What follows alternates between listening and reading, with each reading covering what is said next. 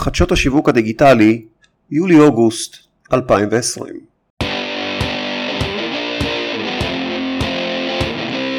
ברוכים הבאים It News.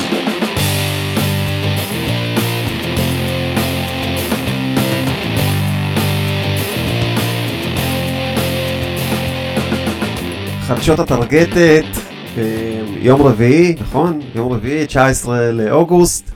אה, ברוכים הבאים. איתכם נמצאים אה, יורי ורוברט מהטרגטת. אהלן רוברט. אהלן, אהלן יורי, צהריים טובים. מה שלומך? מעולה, מה שלומך? סבבה לגמרי. אז אנחנו החלטנו לחזור לעשות את הפודקאסט של החדשות, מה שקראנו לו פעם קודמת, ה Targeted News. אמ, ככה קיבלנו די הרבה הודעות במהלך התקופה האחרונה מכל מיני אנשים שהסתבר שהם אה, היו מאזינים לפודקאסט אה, הקודם שעשינו אה, של החדשות שהיינו מעלים פעם בשבוע את כל מה, מה שקרה בעולם השיווק הדיגיטלי ו... וקצת לא, לא הבינו לאן נעלמנו. אמ, ואמרנו טוב בוא נחזור נחזור לעשות את הפודקאסט אפילו שלא נעלמנו בעצם לשום מקום אנחנו פשוט נכון התרכזנו בניוזלטר. היה את הפודקאסט ובאתר זאת אומרת אנחנו פשוט אה, אמרנו טוב בואו נעבור לגרסה הכתובה נעלה את הידיעות לאתר פעם בשבוע נוציא ניוזלטר אנשים יכולים להצטרף לניוזלטר ולקבל אחת לשבוע סיכום של כל הדברים החשובים ביותר שקרו בעולם השיווק הדיגיטלי בעברית אנחנו עושים את כל הידיעות, מנתחים אותם, מתרגמים לעברית ושולחים בניוזלטר, מאוד פשוט. אה, אבל הסתבר שאנשים, אה, חסר להם הפודקאסט אה, שהיינו עושים. אנחנו פחות החלטנו להפסיק לעשות אותו כי לא יודע, לא קיבלנו כמעט פידבק כאילו על הדבר הזה בכלל, אז לא, לא הבנו למה.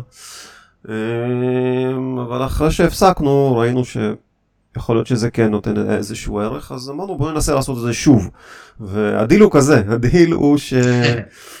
אה, אם אתם מאזינים לזה, והפודקאסט הזה הוא, לא יודע, אתם אוהבים אותו, אתם משתמשים בזה, תגידו לנו, תכתבו לנו, תשלחו לנו הודעה, תעשו, תנו ריוויו באייטיון סטור, או איפה שאתם לא צופים את זה ואפשר לתת ריוויו, אני לא יודע, ספוטיפיי. כן, איפה שאתם לא מאזינים לזה, כן, אפשר כן, והכל. תעשו שיתוף.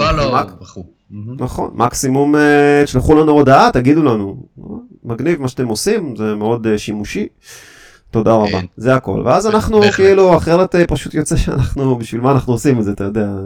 כן. עושים את זה בשביל כן. להשתפר, אגב, גם דברים שאתם לא אוהבים, אתם יכולים לכתוב. במיוחד לרוברט, תכתבו לו את מה שאתם לא אוהבים, אני פחות אה, אוהב לשמוע. אבל אתם אה, באמת מוזמנים. תכתבו לרוברט והוא יעביר לשנינו, כן. אז זהו, אז הדיל הזה בעצם, אה, יורי תקן אותי אם אני טועה, אנחנו בעצם הולכים להעלות את, ה, אה, אה, את ההקלטה הזו בעצם גם לפודקאסט, ובעצם אנחנו גם הולכים, אנחנו גם בעצם מקליטים את זה בווידאו, ככה שזה גם יופיע כמובן בערוץ היוטיוב של הטרגטת. זהו, נכון, אז בעצם אנחנו עושים את זה... קצת אה, רדיו, קצת טלוויזיה, קצת דיגיטל, ואנחנו מצלמים את זה. אז אה, מי שמכיר את הסרטונים של הטרגטת, אז היינו עושים את הסטרים, שאנחנו גם נחזור לעשות את זה עוד מעט, פשוט עשינו איזושהי הפסקה. והיינו עושים את ה-2BVP, שזה רעיונות עם מנהלי שיווק בכירים, וכל זה היינו עושים בווידאו, בסטרים, מקליטים את זה ומעלים את זה אה, לערוץ היוטיוב שלנו. ואנחנו נמשיך את החדשות בצורה הזאת, אנחנו פה עשינו את החדשות, אה, אה, עברנו במקום להשתמש בתוכנה של הסטרימים שהיינו משתמשים בה, ממש עשינו את הכל בעצמנו, אה, איך זה נקרא? Handmade, Homemade, עבודת יד. משהו כזה. ב-OBS, אז אני די ככה אה, מבסוט על עצמנו שסידרנו את זה, ומי ש... על עצמך, על עצמך, אתה התעסקת ב... בסדר, לא, אני לא יכלתי בלעדיך, כן, צריך, אתה יודע, לבדוק, טסטים, כל זה.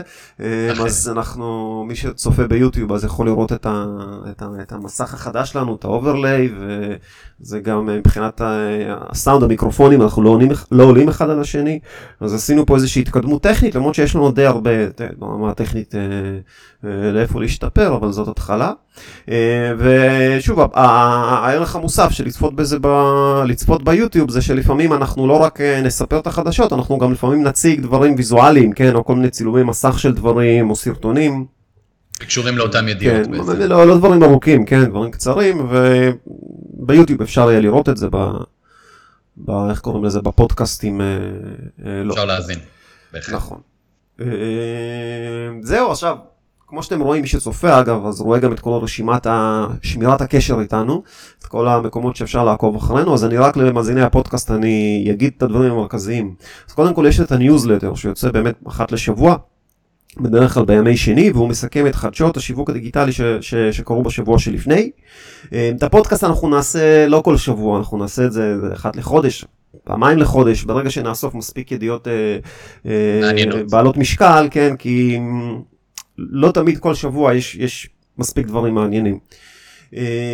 אבל מי שרוצה להצטרף לניוזלטר ולקבל פעם בשבוע את כל הדברים שקרו בשבוע אה, האחרון, אז פשוט הולך לאתר Targeted, targeted.co.il/newsletter, זה די פשוט, אה, או יש פה עוד איזה אופציה, אפשר ללכת לקישור של Bitly, Bitly/news, מקף Targeted, ואתם תהיו, אה, תוכלו להירשם בעצם דרך הדף הזה לניוזלטר. כמו כן, בערוץ הטלגרם שלנו, אנחנו מעדכנים אה, ב live כל פעם שאיזה משהו חשוב קורה, אנחנו מעלים את זה לטלגרם שלנו ואתם מקבלים כזה עדכון אה, במהלך היום. אה, ערוץ הטלגרם שלנו נקרא גם Targeted מקצועני שיווק דיגיטלי והקישור שלו, כן, ה nick בתוך הטלגרם זה מקצוענים באנגלית. פשוט המילה מקצוענים רק באותיות אנגליות.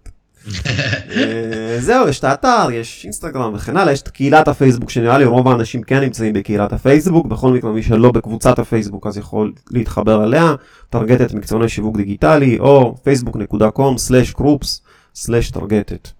אכן שהקבוצה אה, כיום עומדת על 5,100 אה, אה, אנשי שיווק אה, מהארץ וכן, ממשיכה לגדול. יופי. טוב, אז uh, אני חושב שאנחנו יכולים להתחיל. לגשת לחדשות. רוברט, אז uh, בוא נעבור ככה לדברים, ואחד הדברים, uh, אנחנו עושים סיכום כזה כרגע של מה שקרה, ב, נגיד, בוא נגיד בחודשיים האחרונים, ככה בחושת הקיץ, כן. uh, שאנחנו לקראת סופה כבר. Uh, איך היה? נסעת לחו"ל אגב לאנשהו? כן, בטח. כן. במיטה, נסעתי לחו"ל, כמו שאני בדרך כלל עושה מהמיטה. אז היה לנו ככה, בוא תספר לנו על מיילים בפייסבוק. זאת אומרת, פייסבוק אה, מאפשרת כן. עכשיו שליחת מיילים, בוא תספר לנו על זה.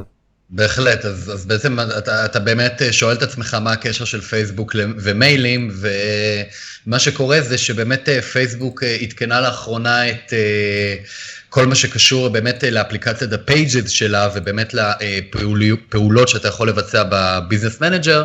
אה, כאשר הדבר המרכזי שם הוא בעצם אה, העניין שבאמת פייסבוק הוסיפה פיצ'ר חדש, שמאפשר לך בעצם לשלוח אה, מיילים שיווקיים. ממש בדומה לכל מערכת ניוזלטר שאתה מכיר, רוב האנשים מכירים, Mailchimp וכדומה, ממש כך זה בעצם מאפשר לעסקים להעלות אימיילים כמובן, הם צריכים לאשר לפני, אבל בגדול, הם מעלים רשימות של אימיילים, פייסבוק מאשררת את זה, ברגע שזה קורה, אתה יכול בעצם דרך המערכת שלהם, אה, לשלוח אה, כמו ניוזלטרים לאותם אה, אימיילים, ללא הגבלה, לפחות ממה שאני מבין בשלב הזה, ממש ללא הגבלה. משהו מאוד מעניין לגבי הסיפור הזה גם זה שבאמת, באמת הפיצ'ר הזה גם מאפשר לקחת את אותם רשימות של אימיילים אה, וליצור בהמשך גם custom audience לדוגמה, audiences, שזה גם אה, מאוד מעניין. אה, וזה בעצם ממשיך, איך שאני רואה את הדברים, זה ממשיך את הכיוון שפייסבוק הולכת אליו. אתה יודע, בסופו של דבר לסוג של all in one פלטפורם, כמובן לעסקים, עסקים קטנים, בינוניים, זה ממשיך את התלות הזאת בעצם, שפייסבוק מנסה, בוא נגיד, לגרום לעסקים, אתה יודע, להשתמש בפלטפורמה כמה שיותר. חשוב כן לציין לגבי המהלך הזה ספציפית, זה ש... לפחות כך אה, צוין, זה שבעצם אה, זה קורה בעקבות אה, מה שקורה עם הקורונה. זאת אומרת, המצב של הקורונה באמת גרם להרבה מאוד עסקים שבהכרח, לא בהכרח היו, תקרא לזה דיגיטליים. זה גרם להם באמת לעשות איזו טרנספורמציה כזו או אחרת ולהיות בדיגיטל, בדיגיטל כמה שיותר, ובאמת לאותם בעלי עסקים שאתה יודע, הם לא מספיק מכירים, מערכות, עניינים, אימיילים וכדומה, פייסבוק בא ומה שנקרא סוגר להם פינה בתוך המערכת אה, הפנימית של פייסבוק. אה, וכן, okay. בסופו של דבר זה, זה בא באמת לעזור לאותם עסקים בכל העולם של שיווק דיגיטלי ואצל וירוס הקורונה, כמובן. אוקיי, okay, זה בעצם מה שפייסבוק אומרים, אנחנו פה נכנסה הקורונה, אז אנחנו רוצים לעזור. אכן. אמ, אני הסתכלתי על זה, וגם תוך כדי שדיברת, אז הצגתי פה על המסך את, ה... את התמונות של איך, איך זה נראה, אני עושה את זה כן. שוב פעם בשביל מי שצופה ביוטיוב, שיכול לראות את המערכת. אמ, לא יצא לי לבדוק אם זה הגיע לדפים שלי, אני לא סגור. זהו, חשוב, חשוב לציין אה, אה, שלא הזכרתי את זה בהתחלה, שאנחנו מדברים פה על אה, בעצם התמונות מסך שאתה מראה, אלה תמונות מסך שמשתמשים ברחבי העולם נתקלו בהם, עדיין לא יצא, זאת אומרת, זה, אתה יודע, כמו כל דבר של פייסבוק, זה נכנס בהדרגתיות. אנחנו עדיין לא יודעים תאריך סופי מתי זה יופיע אצל כולם, אבל זה הכיוון. אה, סך הכל סבבה, רק אה, אני פחות... אה, לא, לא, לא בטוח שזה רעיון כזה טוב. למה? למי שאף פעם לא עשה עד עכשיו מיילים, להתחיל דווקא עם, ה... עם המערכת של פייסבוק. מאוד חשוב במייל בכלל, בניוזלטרים, בשיווק דרך מיילים, זה גם הנראות. אמ, ולמעשה פייסבוק עושים את זה בשביל עסקים שנפגעו בקורונה. מי שנפגע בקורונה, בראש ובראשונה, כן, אם אני שם בצד את ענף התיירות, אז זה, קמעונאים, זה אנשים שיש להם חנויות, שהם מוכרים כל מיני סחורות פיזיות, אה, או אנשים שנותנים איזה שהם שירותים אישיים, כמו, אני לא יודע, אה, מספרות. אה, קוסמטיקאיות וכן הלאה, ואצל כל העסקים האלה בעצם הוויזואליות היא מאוד חשובה, כן? בין אם אתה נותן איזשהו שירות כזה, כמו עיצוב שיער, אה, ובין אם אתה אה, מוכר משהו, כן? זאת אומרת, אנשים בחלק גדול מהמקרים אה, רוצים לראות, כן, את האריזה של מה שהם קונים, כן. את המוצר עצמו. כן. וזה פחות, ל, אתה יודע, אנשי שירותים כאילו דיגיטליים ו- וכן הלאה, אז בסדר, יכול להיות ניוזלטר שהוא רק טקסטים, כן? מי שמוכר תוכן נגיד. כן. אבל מי שמוכר מוצרים פיזיים, הוא צריך קצת יותר ויזואליות, ואני לא ראיתי שיש שם משהו שהוא קשור לניהול של template ים, ואיך כל זה הולך נכון, להיראות. כן. לא ברור איך זה בכלל, הנראות של זה הולכת להיות, ו... זאת אומרת, כן. במילא גם צריך, זה ניוזלטרים שאתה צריך לאסוף. שוב, זה לא איזשהו פרסום, זה לא כמו ה Gmail Ads, שאני יכול דרך מודעות, אה, דרך ה Google Ads, בעצם לשלוח סוג של מייל, כן, ב placement של כן. הפרסומת בתוך ה Gmail. אה, כן. ושם אגב, כן, יש לי שליטה מאוד יפה על כל, על כל העיצוב, מלאה כמעט, כן, אפילו ב-HTML אני יכול להעלות את העיצוב. אה, ופשוט יכול להוציא החוצה את העיצוב שיש לי במיילצ'ימפ או במערכת מיילים שלי ולהכניס את זה לתוך הקמפיין. כן. אה, אבל פה זה לא, זה לא בדיוק אותו דבר. מה אתה אומר? אז, אז אני אגיד לך מה, הערה קטנה לגבי זה, תראה, אנחנו, בגלל שאנחנו לא רואים את זה בעיניים, אנחנו, קשה לנו להגיד, אבל בתמונת המסך, כנראה שאחת מהם שיתפת אותם, כתוב שיש אפשרות, כתוב Customize your design. and track performance all in one place. Okay. אז אוקיי. אולי יש שם איזו אפשרות okay. אוקיי. באמת לעשות שם משהו, אבל, אבל כנראה לא, זה מוגבל. לא ראיתי את זה. ת, ת, תגביר טיפה את, את המיקרופון שלך. אין בעיה, אין בעיה. אוקיי, זהו. אני אומר... מעולה. לא, לא, שמענו מה אמרת, רק רציתי. בעיה. עכשיו, אמ, כמו כן, אבל אתה צריך לאסוף את המיילים. זאת אומרת, זה לא כמו פשוט נכון. בגוגל את זה, אתה פשוט מפרסם למי שאתה רוצה, כן? פה אתה ממש צריך לפרסם את ה... טוב, לא נכון מה שאמרתי, לא למי שאתה רוצה, אלא למי שאתה מטרגט, מי שנכנס בתרגות, כן? אתה לא יכול ספציפית למי שאתה רוצה. פה אתה עדיין, זה... כן, פה עדיין זה, זה צריכים להיות המיילים uh, שלך, אתה צריך להביא אותם, נכון. ואני לא הייתי, לא יודע, מי שלא עשה את זה אף פעם, פתאום להתחיל לאסוף את המיילים, ודבר ראשון זה לשלוח להם את זה דרך הפייסבוק, אני לא, לא בטוח שזה uh, כזה רעיון טוב. Uh, אבל uh, מצד שני זה כאילו פרסום בפייסבוק שהוא כאילו חינם, כאילו, זה כאילו אתה משתמש בפרסום בפייסבוק, אבל אתה כאילו לא משלם על זה, למרות שאני לא, זה מגיע להם למייל, זה לא מגיע לפייסבוק. זה מגיע למייל, נכון, זה מגיע למייל. Uh, בכל מקרה, טוב, באמת ראינו די הרבה במהלך החצי שנה האחרונה, כל מיני... Uh, חידושים של חידושים. כאלה, לא של פייסבוק, בכלל של כל המערכות שבשביל הקורונה, לכבוד הקורונה, אני לא, כבר לא, לא יודע מה, זה, כן, מנסים כן. לעזור, תכף גם נדבר על מה גוגל עשו. וכן הלאה, אבל שוב, אני לא, לא הייתי קופץ פה על כל הדברים האלה שהם עשו ככה על הברכיים אה, בזמן הקורונה, כי לא, לא יודע, לא, לא בטוח שזה משהו, אה, מוצר מוגמר. אוקיי, טוב, אה, אז אנחנו ממשיכים פה, יש לנו פה די הרבה דברים, האמת, שקשורים לדברים שעשו לכבוד, לא יודע אם זה לכבוד, אבל אה, בגלל, בגלל כן. הקורונה. אמ, והדבר הבא, שאגב, וואי, לא שמתי את הכותרת, כן? איזה חכם אני.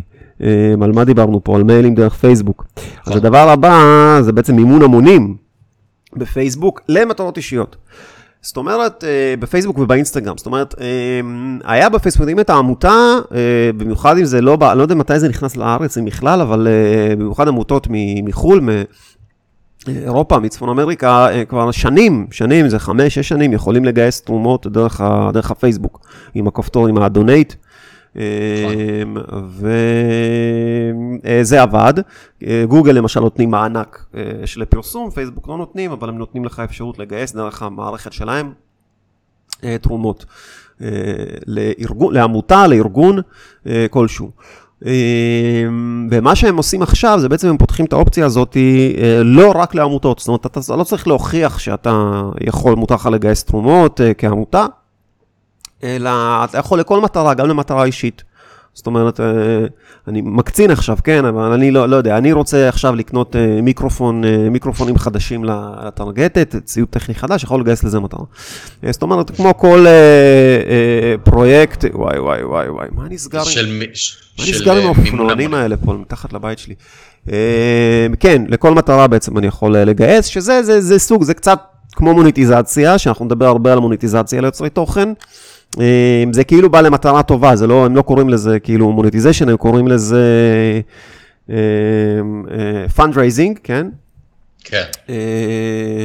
אבל הקטע הוא שכל אחד יכול דרך האינסטגרם לפנות לקהל העוקבים שלו ולבקש לגייס את ה...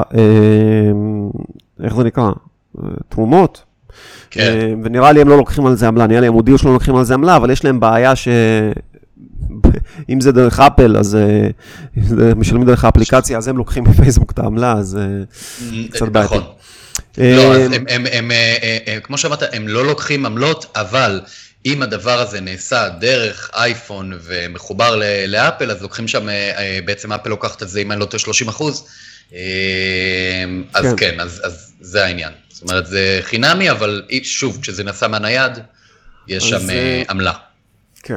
אז טוב, אין לנו הרבה מה להגיד על זה, חוץ מזה שזו אפשרות נחמדה שקיימת, ואני בטוח שאפשר להשתמש בזה, אגב, לכל מיני, לגיוס לכל מיני אסונות, לא עלינו, בין אם אסונות טבע, או לא יודע, כל מיני אסונות אישיים שקורים לאנשים. אנחנו רואים די, די, די עלייה של זה לאחרונה, ובדרך כלל כשאנחנו רואים את זה, זה שוב, זה, זה דרך ארגונים, זאת אומרת, זה ארגון שהוא נרשם, מקבל איזשהו אישור, זאת אומרת, יש איזושהי פרוצדורה, זאת אומרת, בתור איזשהו ארגון שאתה מגייס לאיזושהי מטרה, אתה, אתה צריך לעבור, אה, אה, אתה צריך לקבל איזושהי, איזשהו אישור, איזושהי אסמכתה של פייסבוק, לבוא עם מסמכים ולהראות שאתה תקף ואתה legit ואתה מגייס לזה אה, כסף, ואתה יכול להיות בכל מיני, כאילו ב- בלונדון, אה, סליחה, בבריטניה או בארצות הברית או בעוד איזה כמה מדינות. אה, ואתה צריך להיות ממש, זאת אומרת, אתה צריך...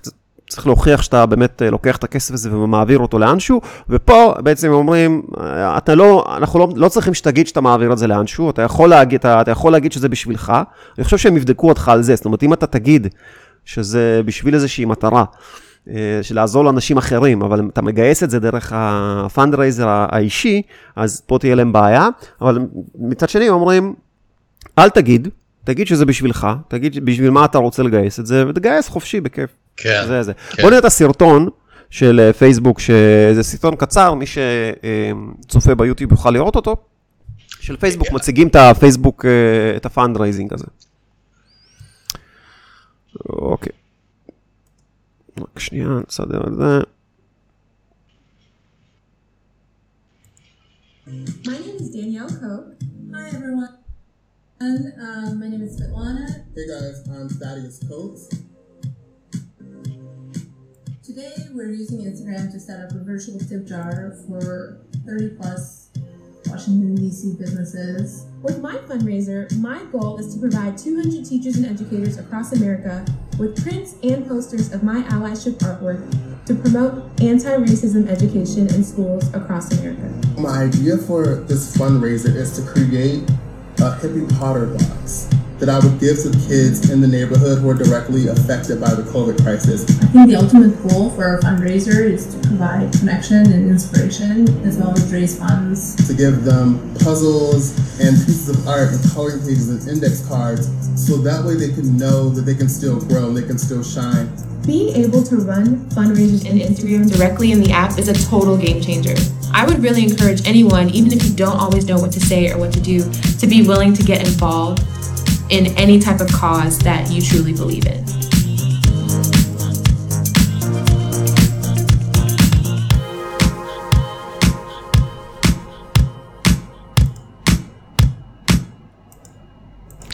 טוב, יכול להיות שיהיו פה איזה בעיות עם הסאונד פה, שהבנתי מה לעשות, אבל סורי.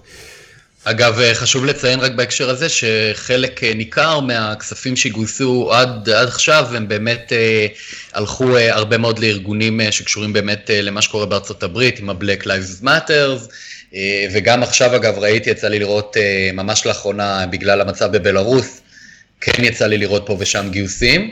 כן. אה, כן. אגב, הגיוסים של אה, בלארוס זה באמת הדרך הראשונה, שאתה יכול, הם, מגייסים הרי לבלארוס, אבל הם לרוב נמצאים ב-UK. אה, בבריטניה, ומשם הם מגייסים. זאת אומרת, זה דרך המערכת האחרת, כי זה לא גיוס למטרה אישית, אתה אומר, אני מגייס בשביל אנשים אחרים שצריכים את הכסף. פה אתה צריך לעבור איזושהי, איזושהי אה, ביקורת. טוב, אה, בואו נראה מה יש לנו הלאה. היה לנו דברים קצרים, כן? אז היה לנו קודם כל, רציתי לדבר קצת על retargeting בלינקדין.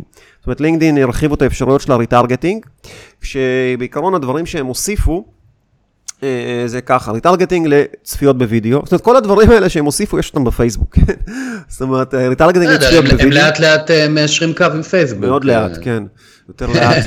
אה, אז בעצם אם אתם מריצים קמפיין של וידאו בלינקדין, אז אתם יכולים אחר כך לעשות retargeting למי שצפה בווידאו, זאת אומרת כאילו כמו שצובעים את, הצופ... צובעים את מי שצפה בווידאו ואז מריצים לו retargeting, זה לא היה וזה עכשיו נכנס, אה, עכשיו ולא יודע בחודש חודשיים האחרונים, וגם אה, retargeting לפי שימוש בטופס הלידים, זאת אומרת אתם יכולים לעשות retargeting למי שפתח את טופס הלידים אה, אבל לא שלח אותו. לא בטוח שזה רעיון כזה טוב, תשמע, אני לא יודע כמה אנשים טועים, כמה אתה יכול לטעות פה שרצית לשלוח ולא יצא לך לשלוח אותו. whatever, בכל מקרה, לינקדאין אומרים לך בעצם, טוב, תשמע, אולי הוא, הוא רצה והוא לא, לא הצליח, אז אה, תשלם עוד. כן, כן. אולי לתקן את זה, כן? אולי זה נתקע אצלנו, אבל אתה יכול עכשיו לטרגט אותו ב retargeting, לשלם לנו עוד וזה. לא יודע, תשמע, אני אומר, לא יודע, יכול להיות שיש כאלה שזה ב scale מאוד גדול, זה יכול לעזור. אמ, אבל, אה, אגב, זה לא קשור רק לזה, אני חושב שזה גם למי שהשאיר פרטים. אז אתה רוצה לעשות לו retargeting לא בשביל למלא את הטופס, אלא אולי בשביל משהו אחר. כן, לעשות איזשהו retargeting. להציע לו הצעה נוספת או משהו. כן, בדרך כלל אתה, אם אתה עושה את זה באתר, אז אנשים באים לאתר, באתר ממלאים את הטופס, ואז אתה יכול תמיד לטרגט אותם עם מסרים אה, ספציפיים למי שמילא את הטופס, והם כאילו מאפשרים לך לעשות את זה בלינקדאין. אז יכול להיות שאני לא הבנתי אותם, וזו דווקא הייתה המטרה המרכזית פה. אה, וגם המודעות של ה retargeting הן מוסיפות אה, עוד placement שזה יכול לרוץ בו, ה Audience Network שלהם, כאילו אתרים מחוץ ללינקדין שהם הטמיעו את לינקדין בשביל מוניטיזציה, בשביל להציג פרסומות, אז גם ה retargeting יכול עכשיו לרוץ באתרים האלה, כמו למשל MSN News אה, וכן הלאה. אין יותר מדי מה להגיד על זה, כן, אז לינקדין באמת, כמו שאתה אומר, לאט לאט מתקרבים, סוגרים פערים, וזה גם מה שקרה בקיץ הזה. אמ, בוא תספר לנו על, ה... על הדבר הבא. גוגל תציג כן. תוצאות אה, גוגל שופינג אורגניות בתוצאות החיפוש הרגילות. בהחלט, בהחלט. תראה, גם uh, כאן בסופו של דבר מדובר כאן על סוג של מהלך שבין היתר, אתה יודע, קשור לעולם השינויים של הקורונה. אה, אבל בגדול אנחנו מדברים על משהו, על אה, משהו שכרגע הוא, חשוב לציין, הוא זמין כרגע רק בארצות הברית ורק בנייד. אה, בהמשך זה גם יגיע לעוד מדינות וגם לדסטופ, אבל הרעיון הוא מאוד מאוד פשוט. אנשים שהיום אה, אה, יש להם עסק של e-commerce כזה או אחר אונליין, יכולים להעלות את המוצרים שלהם, לא משנה בדיוק מה הם מוכרים, להעלות את המוצרים שלהם, והמוצרים האלה יוצגו בגוגל. מבלי, לא ב Google Shopping Ads, זאת אומרת, הם לא צריכים לשלם על זה. כדי שהם יוצגו ובעצם אמ, יש שילוב של גם תוצאות שהן תוצאות שקשורות ל Google Shopping Ads, אנשים שבאמת משלמים כסף, וגם אה, אתה, אה, אנשים יוכלו להיתקל במוצרים שלך גם אם העלית אותם ככה בחינם, כלומר יש שילוב של תוצאות אורגניות ותוצאות ממומנות, אה, כרגע זה מופיע רק בנייד, ובאמת באמת המטרה המרכזית כאן של גוגל, כך גם היא מצהירה, זה באמת העניין הזה שהם רוצים לסייע לעסקים קטנים ובינוניים, להגדיל את החשיפה שלהם, אה, ללא הצורך לשלם עוד אקסטרה כסף בעצם, זה, זה הרעיון. אמ, כן, תשמע. אז כן, זה שוב, זה כמו מה שאתה אומר עם פייסבוק והקורונה, בואו נעשה, אני חושב שדיברנו על זה באחד הסטרימים שלנו, אז באמת כש, כשמעלים את פיד המוצרים שלכם ל Merchant Center, אז אתם יכולים עכשיו פשוט לסמן אופציה שזה יציג את זה גם אורגנית, ובעצם גוגל אומרים, כשיחפשו מוצר, כן, לא יודע, למשל, תוך כדי שדיברת, אז הראיתי את הסרטון, אז היה שם איזשהו קומקום, אז לא יודע, אם מחפשים נכון. קומקום חשמלי, אז יכול להיות שגם יופיעו תוצאות האורגניות, ואם מקליקים עליהם, אז בעצם אתם לא משלמים. אה, באמת, מצד אחד כביכול עוזרים, מצד שני באמת אה, יותר מכניסים אנשים, הם הרי מבינים שאיך שהתחילה הקורונה, אז הרבה עסקים אמרו, טוב, עכשיו הגיע הזמן להשקיע באינטרנט. זאת אומרת, לפני זה הם דחו את זה ודחו את זה, עכשיו פתאום התחילו לעשות, והם פשוט מנסים לתפוס אותם, אז הם אומרים, בואו נגיד להם קודם שיעלו את הפיד, קודם שיעשו את הקטע הטכני, כי אה, בעצם יש פה באמת איזשהו אתגר טכני, אה, לא, שוב, זה לא מאוד מסובך, במיוחד למי שב e-commerce, אבל אם תחשוב שאם זה איזושהי חנות, לא יודע, לכלי כתיבה, whatever, והיא רק בנתה אתר, ולא כן. יודע, יכול להיות שזה די אה, לוקח להם זמן לייצר את הפיד הזה. שוב, אני אומר, זה לא מסובך, אבל זה מסובך אולי למי שחדש. כן. ובעצם אה, הם, גוגל אמרו, בואו בוא, נעשה את זה פרה פרה. קודם, נגיד להם, בואו תעשו את הפיד, תעלו אותו, ושזה יהיה אצלנו. אחר כך אה, יהיה את הסיפור שהם אה, יגידו, אוקיי, סבבה, זה מגניב, אבל אנחנו רוצים עכשיו יותר חשיפה, יותר קליקים, ואז יתחילו לפרסם. לא, כן. שנייה, לא, הבעלי, מי שבא לחנות יגיד, אני, אוקיי, העליתי את זה לגוגל וזה פה, אבל אני רוצה עכשיו יותר חשיפה. יכול להיות שהוא העלה והוא אמר, וואי, שמע, זה עושה משהו אורגנית, אבל זה כזה קצת, זה לא הרבה. בוא נראה, אולי כן. אני אשים אה, איזשהו תקציב לקליקים. בהחלט. אמ, זה, זה יעזור לי, אז זה כאילו, זה לדעתי הצעד של גוגל. שוב, כי בכל מנסים לעזור, שוב, זה, זה בסדר, אין, זה, זה, אין מה לעשות, זה כאילו, זה, זה שיתוף פעולה. הם מנסים כן. לעזור בזה, לעזור בזה, אבל בסוף כמובן המטרה זה שכמובן יהיו יותר מפורסמים אה, בקמפיינים של הגוגל שופינג. בהחלט, אה, בהחלט. זהו. אה, טוב, עכשיו... כן, מה הלאה? בואו נדבר על הדבר, בואו נדבר ככה, נדבר על אחד הדברים היותר גדולים שקרו, אולי זה הדבר הכי כן. גדול שקרה, כן. אה, שזה בעצם הגדרות הפרטיות החדשות באייפונים, שבעצם הן יכולות להגביל מאוד את, ה... את הביצועים של ה... את, את היכולת הניתוח של מנהלי הקמפיינים. בוא תסביר מה קרה. לחלוטין, לחלוטין. אז קודם כל, אני גם, אני די מסכים איתך שזה באמת אה, אחת הידיעות הכי אה, גדולות אה, וענקיות שקרו, אנחנו מדברים על סוג של רעידת אדמה, בוא נגיד, בעולם ה mobile marketing, עם דגש כמובן על נטו על Apple, כלומר לדברים האלה כשאני הולך, הולך לדבר עליהם כרגע אין קשר ל Google Play, אנחנו מדברים על Apple והשינוי המרכזי והגדול אמ, שמדברים עליו שזה באמת אה, הולך לקרות כשאם אני לא טועה iOS 14 אה, תעלה לאוויר, אה, זה שינוי שהרבה מאוד חברות, אפליקציות, משחקים וכדומה, כרגע מנסות להבין מה, מה מימו ומה קורה והשינוי שאנחנו מדברים עליו הוא אה, בעצם אה, אפל הולכת לאפשר למשתמשים, למשתמשים שפותחים אפליקציות בעצם, לקבל החלטה. האם אתה מעוניין שהאפליקציה הזאתי והזאתי, כן, לא משנה איזה, האם אתה מעוניין שהיא אה, תאפשר tracking או לא תאפשר tracking, כן? אה, בעצם אתה בתור משתמש תוכל להגיד, אני לא מעוניין, אני לא רוצה שהיא תעשה עליי tracking, וברגע שהדבר הזה קורה, אה, יש לך uh, בעיות בעצם אם אתה איש marketing שמתעסק ב mobile marketing, אתה בעצם העניין הזה הולך לגרום לבעיות uh, מדידה uh, על פניו אקוטיות, כך, כך טוענים בתעשייה. והשורה התחתונה שבעצם הם מנסים בעצם, הם מצד אחד Apple הם מנסים בעצם להיות כמה שיותר, אתה יודע, לתת למשתמשים שלהם כמה שיותר שקיפות בעצם, כן? וממש להסביר להם בצורה מפורטת, תראו, אתם רוצים לעשות tracking או לא? אגב, אם אתם כן רוצים ש, שהם יעשו tracking, הם ממש כותבים להם, ואני לא יודע אם אתה מראה את התמונת uh, מסך, אבל בגדול הם ממש כותבים בצורה מסודרת על איזה tracking מדובר, איז, מה האפליקציה uh, uh, הולכת uh, לקחת ממך, location, contact info, purchases, whatever, זאת אומרת, browsing history, יש, uh, הרעיון הוא באמת בסופו של דבר לתת לה, uh, uh, למשתמשים את העניין הזה של השקיפות וכל מה שקשור לפרטיות, שהם ידעו שלא יהיו דברים מאחורי הקלעים, שאפליקציות עושות ואתה לא יודע וכדומה. וכרגע באמת מנסים בתעשייה להבין איך מתמודדים עם הדבר הזה, כי בסופו של דבר מה שהולך לקרות שם זה בעצם אותן אפליקציות, משחקים, חברות משחקים וכדומה, הולכות לאבד את ה-user ID של הרבה מאוד בעצם משתמשים, ואז יכולים להיות שם בעיות כאלה ואחרות, בין, בין אם אנחנו מדברים על פרסום retargeting או אופטימיזציה כזו או אחרת בכל מה שקשור ל-PPC ועוד הרבה מאוד דקויות שככל הנראה אנחנו כרגע עדיין לא מבינים את גודל הבשורה, אבל אנחנו מדברים על משהו מאוד מאוד גדול שבאמת חברות שונות כמו חברות שמתעסקות ב-attribution, בין אם אנחנו מדברים על Just או AppsFlyer וכדומה, יצטרכו באמת לבוא ולתת פתרונות או פתרון אחר אולי, שבאמת יוכל באמת לעזור לאותם מפתחים ובעלי אפליקציות לנטר אחר מה שקורה במשתמשים שמגיעים מאפל בעצם. זה ככה בגדול. אוקיי, טוב, דיברנו על זה, על הנושא הזה, כן. אתה צריך לסדר משהו עם המיקרופון שלך. אה, עם המיקרופון? יש לו כל הזמן גשם שאתה מדבר. ו... אז דיברנו על זה ב-2BVP עם שני אנשים, דיברנו עם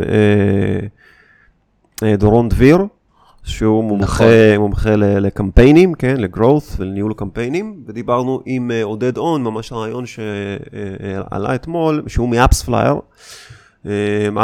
ודיברנו איתם, שאלנו אותם על הנושא הזה. אז בעצם, מבחינת, שוב, מבחינת מהצד של המנהלי קמפיינים, שזה מה שבאמת יותר מטריד אותי, כן. אז קודם כל אפשר להגיד שזה, סך הכל זה, זה בעיה שאנחנו כבר היום רואים אותה עם ה-GDPR. בעצם כשמריצים קמפיינים באירופה ובארצות שיש להם את המדיניות, את ה-GDPR או מדיניות שהיא דומה לזה, וברגע שהאתר שאתה מקדם, הוא, הוא אכף את זה, זאת אומרת, הוא, הוא, הוא, הוא יישם את המדיניות הזאת, והוא דואג לזה שהפיקסלים אצלו באתר משתחררים רק כשיש קונסנט, כן, הסכמה של המשתמש. אנחנו כן. רואים היום בקמפיינים בפייסבוק שהפיקסל אולי ב-15%, 20% גג מהמקרים הוא נורא. ואז בעצם אתה מריץ קמפיין, ואם אתה שולח את זה לאיזשהו אתר, אז אתה, ובאתר הזה יש את ה-GDPR כמו שצריך, אתה לא, לא רואה כמעט כלום בתוצאות, אתה רואה רק חלק מאוד קטן. עכשיו, יש שם כל מיני ניואנסים בתוך ה-GDPR הזה, אני לא, לפעמים במדינות מסוימות זה גם משונה, זה לא, זה לא באמת אותו דבר בכל האיחוד, יש למדינות איזושהי גמישות, אז יש ארצות מסוימות שלדעתי, אם אתה משתמש באתר, אז אתה, אז אתה, ה consent, אתה לא, הוא לא חייב להיות אקטיבי, זאת אומרת, הוא לא חייב להיות פעיל, אתה לא חייב באופן פעיל ללחוץ ולהגיד אני מאשר, הם רואים שאתה מדפדף, אז הם יכולים פשוט לשלוח את הפיקסל, יכול להיות, אבל בכל מקרה, בפועל עדיין, אני אומר, 15 אחוז. זאת אומרת, ברגע שיש קמפיין ויש link click, אז uh, מ link click uh, ל landing page view זה 15 אחוז. Uh, שזה בדרך כלל אמור להיות במצבים רגילים, או לפני ה-GDPR זה היה בערך 70 אחוז, כן? לא תמיד, לא כל לינק לינק הוא הולך כמובן לדף, אבל זה היה 70 אחוז וזה היה די טוב, וכמובן כל מי שבאמת רצה להגיע לאתר ורצה לעשות פעולות, אז כמובן שזה תמיד היה נמדד, ופה במקרה הזה, אז הבן אדם יכול אפילו להגיע למצב שהוא עושה רכישה ואתה לא יודע את זה. אתה לא, מקבל, אתה לא מקבל את האינדיקציה, וזה כמובן מקשה מאוד על האופטימיזציה של הקמפיינים וגם על הניהול. בעצם על, על, על היכולת שלך למדוד כמה רכשו, מה ה-CPA וכן הלאה. ועל על בניית קהלים זה גם מקשה מאוד, לעשות לוקי לייקים וכאלה. אז השינוי הזה הוא הולך עכשיו לעולם של האפליקציות. עכשיו, אפליקציות זה עוד יותר קשה. קודם כל, ברמה הטכנית, להריץ קמפיינים של אפליקציות זה דורש הרבה יותר, אה, הרבה יותר השקעה טכנית, כי צריך לשים SDK ים, אה, גם אם אתה עובד רק עם AppsFlyer ו-Firebase, שזה כאילו בדרך כלל כאילו, אז זה כאילו ה basic, אתה חייב שיהיה לך את שניהם. AppsFlyer או Adjust, אני לא יודע, אבל AppsFlyer הרבה יותר פופולרי. אמ, אה, זה, זה די טכני, זאת אומרת, אתה לא, אתה, אתה צריך מפתח, זה, זה לא איזה משהו שאתה עם Tag Manager פותר. ה Tag Manager באמת אפשר להרבה מאוד אה, מנהלי קמפיינים ואנשי שיווק שהם לא, לא מפתחים, לא יודעים לכתוב קוד, אבל יודעים להשתמש בכלי הזה, אה, בעצם ל, לעשות מדידה ו analytics יפים מאוד לכל אתר, בלי, באמת, בלי הצורך במפתח. עם אפליקציות זה לא ככה. זאת אומרת, אה, נכון ש AppsFlyer הוא מערכת יחסית אה, פשוטה והיא מאפשרת אה, די הרבה דברים, אבל צריך להטמיע אותה קודם כל, צריך לשלוח לה את ה event ים, את הדברים האלה, וזה כבר בתוך האפליקציה, וזה לפעמים דורש גיר, שחרור גרסה וכן הלאה. ב-iOS זה דורש שחרור גרסה, אני לא יודע אם זה באנדרואיד, גם באנדרואיד צריך שחרור גרסה. זאת אומרת, זה כבר משהו שאתה חייב צוות פיתוח שיטפל בזה. אז גם ככה אפליקציות זה מאוד קשה, אבל לפחות עם אפספלייר, ויכלת להריץ קמפיינים בפייסבוק ולדעת כמעט את כל האיבנטים, כל מה שקורה יכלת לדעת. היום בעצם אנחנו שומעים, לא היום, לפני חודש, אנחנו שומעים שאפל אומרים, כן, זה נחמד שאתם רוצים לדעת מה קורה בקמפיינים, אבל לדעתנו זה מתנגש פה עם, אה, עם הפרטיות שאנחנו רוצים אה, לתת ל, ליוזרים שלנו, שאנחנו רוצים שירגישו יותר בטוחים ושידעו שאנחנו דואגים מאוד לפרטיות שלהם. זה אחד מה, מה, מה, מהערכים המוספים של אפל. וזה הולך, אה, יכול להיות שזה יכול לשים אותנו במצב שבו אפילו לא נדע אם הייתה התקנה מהקמפיינים. אמ, אז מבחינת, אמ, מבחינת אפספלייר, מה שעודד און אמר לנו, לא יודע, הוא אמר שהם לא מודאגים, ש... שזה כאילו, זה עוד הזדמנות בשבילם אה, אה, לפתח, אה, לא יודע, להמשיך לפתח את הכלים, את הפתרונות שהם עושים, כי גם ככה, גם מראש זה היה מאוד קשה, ולפני שהיה אפספלייר, אז באמת היה כמעט בלתי אפשרי להבין מה קורה באפליקציות, כן. בקמפיינים לאפליקציות. הוא אמר גם שזה לא הולך להיכנס מיידית, וזה לא בהכרח יהיה כל כך, באופן כל כך גורף. לא יודע, זאת אומרת, אני אומר, לא, הוא, לא, לא, לא, הוא לא נלחץ מזה, כאילו, מהמצב הזה, אבל uh, מצד שני, אני לא, לא, לא בטוח שאני גם נרגעתי מאוד. וכשדיברנו כן. עם uh, דורון דביר, אז דורון בעצם מסתכל על כל הנושא, על הפרטיות, לא, לא רק על מה שקורה באפל, אלא בכלל על כל הנושא של הפרטיות, ובעצם הוא אמר שאנחנו נצטרך בקטע של הניתוח, כל הקמפיינים כל הקמפיינים, זה הכל יהיה top of the funnel, אה, זה היה המטרה המרכזית של זה, להכניס כמה שיותר אנשים לאתר, כמה שיותר אנשים לתוך ה... לאפליקציה או לאתר, בפעם הראשונה, כן. ומאז בעצם השימוש יהיה מאוד, שימוש מאוד רציני בתוך ה... בדאטאבייסים, ונצטרך להשתמש בכלים סטטיסטיים בשביל להסיק מה-first touch, כן, מה-top of the funnel, למה שקרה mm-hmm. בסוף. היום אנחנו לא צריכים להסיק, אנחנו היום אנחנו פשוט יכולים למדוד, יכולים פשוט לראות, כן, יכול דרך הפייסבוק אה, לראות, הנה, הבן אדם הזה הגיע פעם ראשונה לאתר בתאריך, כן. לא יודע, הראשון לחודש, וב-12 לחודש הוא בסוף רכש, ותוך כדי זה הוא החליף מכשירים וכן הלאה. את כל זה יכלתי לראות, וזה בעצם, זה בעצם אמור, אמור לא להיות לנו בסוף. בסוף יהיה לנו רק את הביקור הראשון שלו, וכל כן. היתר, כל היתר המידע נצטרך לנתח ב database, נצטרך בביקור הראשון להצמיד, אה, לגרום לבן אדם בביקור הראשון לעשות איזושהי פעולה שתאפשר לנו להכניס אותנו ל database, לא, סתם, לא משנה, להירשם למערכת או, או להירשם איכשהו, ואז בעצם יהיה לנו את הבן אדם הזה עם הפרטים מזהים שלו, לא cookies כאילו על המחשב שלו, אלא ממש אה, פרטים כן. מזהים של הבן אדם, וברגע שהוא רוכש, אז הוא יכול, אז אנחנו יכולים לחבר את זה, אה, נוכל לחבר את זה לקמפיין. זאת אומרת, זה יהיה הרבה יותר קשה לעסקים קטנים, בהתחלה אה, ללמוד לעשות את הדברים האלה, אבל בסוף לא תהיה, לא תהיה בעיה, צריך להשלים את הפער. אוקיי, תוך כדי שדיברת, אז הראיתי פה בעצם את, ה, את מה שאפל, אמור, כאילו איך זה אמור לראות המסך הזה, אולי אפילו בחלק מהמכשירים זה כבר נראה ככה. איך נראה המסך שבו בעצם אתה אמור לאשר לאפליקציה להשתמש, ב, לאסוף דאטה עליך, פשוט מאוד, כן, יש מסך, שואל אותך האם אתה מעוניין לתת הרשאה. לאפליקציה, לא, זאת אפילו לא זה, זאת אומרת, זה שואל אותך באופן כללי, האם אתה מוכן לתת לאפליקציות, זאת אומרת אפילו לא לאפליקציה ספציפית, אה, אה, לאסוף פרטים עליך, ואז גם הם אומרים לך בדיוק מה הם אוספים, כן? אם זה מידע פיננסי, אם זה מידע של לוקיישן, מידע על רכישות, אה, מידע קונטקט אינפו וכאלה, ואתה יכול לעשות allow tracking, או שאתה יכול לעשות ask up not to track. זאת אומרת, מצד אחד זה אומר not to track, כאילו אפ, כאילו זה אפליקציה ספציפית, אבל מצד שני, זה נראה לי אפליקציה ספציפית. כן, לפני זה הם עשו across apps. לא יודע, יכול להיות שזה באמת פר כל אפליקציה ספציפית. כנראה יש גם הגדרות כלליות, עדיף, עדיף גם הגדרות. כן. עדיף שזה יהיה ככה. אה, אה, חשוב לציין, אה, אמרתי את זה גם לפני, פשוט אני נותן הערה קטנה כי ש... אמרת שאולי בחלק מהמכשירים זה כבר נמצא, זה הולך לצאת ב-iOS 14, שמתוכננת לצאת בין ה-14 עד ה-18 לספטמבר, ממש בקרוב, זאת אומרת, אנחנו מדברים על עוד uh, חודש בעצם. הבנתי, זאת אומרת, זה עוד לא, עוד לא קרה, זה יקרה עוד חודש. אכן, אכן. אוקיי. טוב, אז עוד דבר אה, שקרה אה, לאחרונה זה שראינו שדרוג אה, משמעותי בפייסבוק מסנג'ר לאתרים. בוא תספר לנו אכן. על הסיפור הזה. אכן. אכן, אז, אז באמת, שוב, פייסבוק ממשיכה, ממשיכה מה שנקרא בעוד עוד שלבים לשלוח זרועות לכמה שיותר מקומות, ככה אני רואה את זה. והסיפור כאן הוא מאוד פשוט, אתם מכירים את הצ'אטים האלה שמופיעים על גבי האתרים, כמעט היום כל אתר שאתה נכנס אליו יש להם צ'אט לרוב, אז כמובן שיש גם את המסנג'ר, זאת אומרת אתה באמת יכול לחבר את המסנג'ר של הפייסבוק שלך, של העמוד העסקי, כן, לאתר מסוים. אז בעצם עד היום, כשהיית, אם והיית רוצה לבצע את הפעולה הזאת, אז כשמישהו היה רוצה להתכתב איתך בתוך האתר, כן? הוא היה חייב להיות מחובר לחשבון פייסבוק כדי לעשות את זה. מעכשיו הוא לא חייב. ובעצם העדכון המרכזי הוא שבאמת פייסבוק מעדכנת את המסנג'ר לאתרים והיא תאפשר בעצם לבעלי אתרים לשוחח עם לקוחות ללא קשר לזה שהם מחוברים לפייסבוק או לא, זה הרעיון. אמ, הצ'אט פלאגין הזה באמת אה, הוא ממש קל להתקנה, אה, באמת בכמה קליקים אתה באמת יכול לעשות את זה. יש להם פלאגין, אה, הם מתחברים באמת עם כל סוגי האתרים, ווקרמרס וכו'.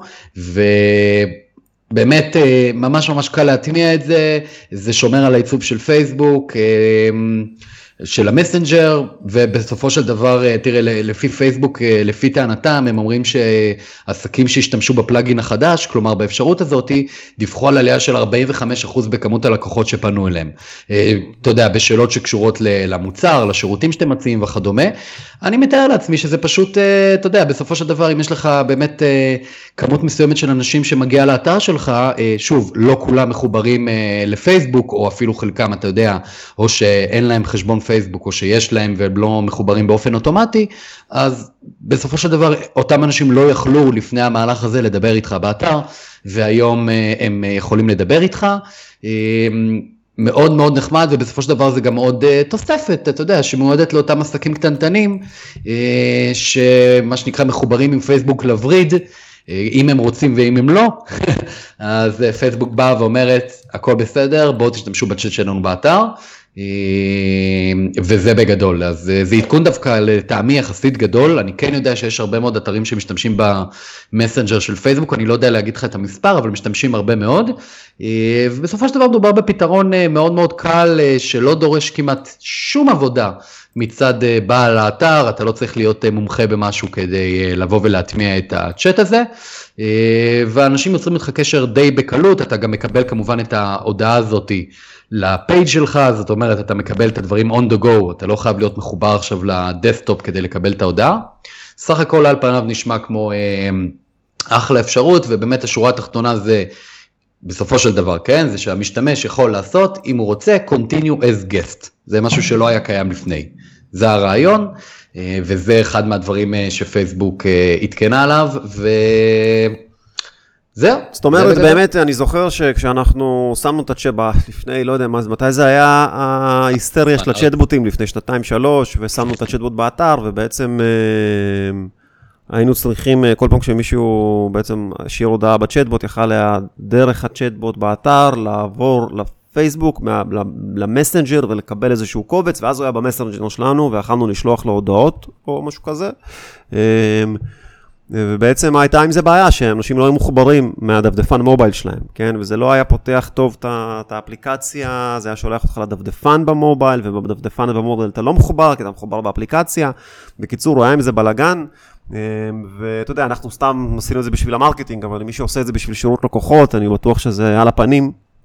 כן. של חוויה הדבר הזה, ויכול להיות שזה פותר את הסיפור הזה, ובאמת... אה, מאפשר לפייסבוק אה, להתחרות עם אה, חברות שממש כאילו, כל, ה, כל ה business שלהם זה, זה ה chat messenger הזה, אה, של כן. ה support, אה, אינטרקום, אה, לייב פרסן. אה, לא בטוח שזה הכל, שוב אל תפסו אותי, לא יודע, יכול להיות שיש הבדל איזשהו מהותי בחברות האלה ומה שהן עושות, אבל דריפט, כן, וכן הלאה. כן, אה, כן. אבל אה, כן, וזה כאילו אמור להיות בחינם.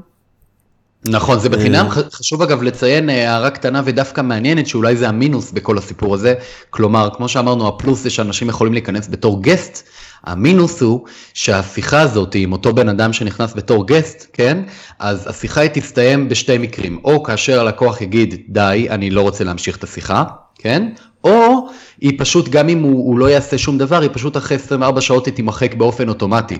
כלומר, אתה בתור הבעלים של העסק, אתה לא תוכל לשלוח לאותו בן אדם שלא יודע מה, שלח לך לפני 24 שעות הודעה לגבי משהו, אתה פשוט לא תמצא אותו. אתה, הוא, הוא, כן. הוא מבחינתך לא יהיה קיים יותר. זאת אומרת, מצד אחד הם באמת גם, אה, זה, כשאתה עושה את זה דרך פייסבוק, אה, אז כמובן אתה, פייסבוק צריכים לאכוף בעצמם את כל התקנות פרטיות וכן הלאה, GDPR וזה.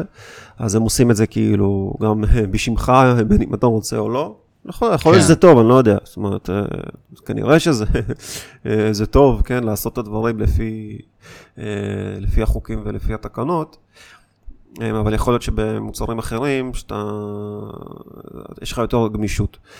אכן. אוקיי. בוא, בוא נשאר עם פייסבוק. אז ראינו בעצם שפייסבוק, באמת בכל כן. הבא, בתקופה הזאת של הקורונה, באמת השקיעו, כמו גם גוגל, כן, אבל השקיעו באמת בלהפוך, אה, אה, לבנות יותר כלים לעסקים שייכנסו לתוך העולם הזה של שיווק באינטרנט ובפייסבוק, ובסוף בשביל להפוך אותם הרי ללקוחות, למפרסמים. בהחלט. בתשלום, כן?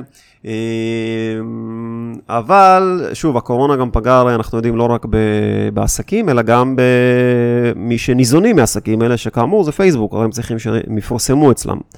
אז uh, ברגע שראינו שעסקים פחות, יש להם, המחזורים שלהם קטנים, הם מפרסמים פחות, אז uh, הצפי כמובן, החד משמיע היה שאנחנו נראה איזושהי פגיעה בפרסום, בתקציבי הפרסום שמגיעים לפייסבוק ולגוגל.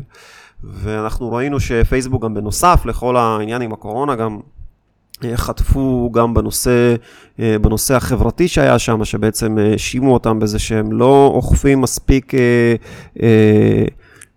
שיח גזעני, או שיח, לא יודע, hate, hate speech, כן, כן? זאת אומרת, כן. כל הנושא הזה שהם לא מספיק מהר מוחקים פוסטים, או לא מוחקים את הפוסטים הנכונים. אה, והייתה שם איזו סאגה שלמה, ומה שקרה זה שהיו כל מיני חברות שהודיעו שהם יפסיקו לפרסם בפייסבוק לאיזושהי תקופה, אה, אמרו שבאמת חלק מהם עצרו את הקמפיינים, כנראה עכשיו זה חזר, אני לא יודע. אה, אבל עם כל זה, עם כל הבלאגנים, פייסבוק בעצם בחודש, בסוף חודש, לא יודע, בחודש יולי, סוף חודש יולי פרסמו את הדוח, את הדוח הכספי שלהם, כן. בתור חברה ציבורית הם צריכים לפרסם את הדוחות שלהם כל אה, רבעון, והתוצאות של רבעון 2, שזה רבעון 2 זה אפריל, מאי, יוני. אגב, החרם היה ביולי, אז יכול להיות שנראה את זה ביולי, או ביולי, לא זוכר כבר. אה, אבל בכל מקרה, ברבעון ההוא, אז אה, ההכנסות שלהם מפרסום גדלו ב-10%. אה, חרף כל הקשיים וה, והביקורת. אה, עכשיו שוב, אני אומר, הם גדלו, אבל זה לא איזה, זה לא איזה, איזה big deal ש, שהם גדלו, כי הם היו צפוי, צפ, אה, צפויים או צפויות לגדול, גם ככה. זאת אומרת, הייתה איזושהי כן. תחזית בתחילת השנה לפני הקורונה, שההכנסות של פייסבוק פרסום יגדלו, אולי אפילו, לא יודע, אולי אפילו ביותר מ-10%. אבל בכל זאת הם, אולי הם לא עמדו בתחזית המקורית, אבל הם סך הכל ההכנסות שלהם מפרסום גדלו, ואנחנו גם אה, ראינו שלא רק אה, ההכנסות של פייסבוק מפרסום גדלו, אלא פייסבוק גדלו בעוד כל מיני אה, אה, מדדים מעניינים, ואני רוצה להראות לכם את זה פה, אז קודם כל אני אפעיל כאן, הופה, לא, לא את זה, סליחה. אה, ככה, מה יש לי פה? את זה. אז פה אנחנו יכולים לראות באמת את הגידול שלהם בהכנסות. אז שוב, אז תמיד אתה, זה כביכול נראה ירידה, אבל זה גדל. שוב, אתה משווה רבעון 2, אה, 2020 לרבעון 2, 2019, כן? ואז אנחנו באמת רואים פה את הגידול הזה של 10 אחוזים, אפילו אנחנו רואים פה באמת רבעון ראשון, הם באמת הייתה להם איזושהי ירידה חזקה בהכנסות מפרסום, שוב, שזה הכחול הכהה, זה הכנסות מפרסום, ויש להם עוד 297 מיליון דולר הכנסות ממשהו אחר, אין לי מושג מה זה, אין פייסבוק קלאוד, אני לא יודע מאיפה עוד הם מכניסים, בטח כל התשלומים וכל הפייסבוק פיי וכל הדברים האלה. ומהרבעון אה, השני לרבעון הראשון, אז הם באמת חזרו לעצמם, זאת אומרת, הם, אה, הם עשו איזושהי קפיצה, אה, קפיצה קדימה, ואפילו עקפו את הביצועים שלהם שנה שעברה. אמ, אבל בואו נראה פה עוד דברים. מבחינת Daily Active Users, כן, כמות היוזרים פעילים כן. ביום, גם פה אנחנו רואים שיש עלייה. ופה האמת שלא הייתי, פה את זה ספציפית אין מה להשוות לרבעון, לרבעון קודם, כי זה, זה, זה, זה לא, זה, זה סוג אחר של, של מטריקה, היא אין לה משמעות בהשוואה לרבעון מול רבעון, אלא כל, זה כל הזמן, זה רץ קדימה. אז כן. פה אנחנו רואים שזה באמת עולה מ... מרבעון לרבעון זה רק עולה, וזה עולה גם ב-US וקנדה. עלו בשלוש שלוש מיליון יוזרים פעילים ביום. כן, אבל... אבל לא רק ב- קשור... ב- בסוף העולם זה עולה, מה? יורי, השאלה היא, תגיד, זה, זה לא קשור באופן ישיר ספציפית המטריקה הזאת לקורונה בעצם?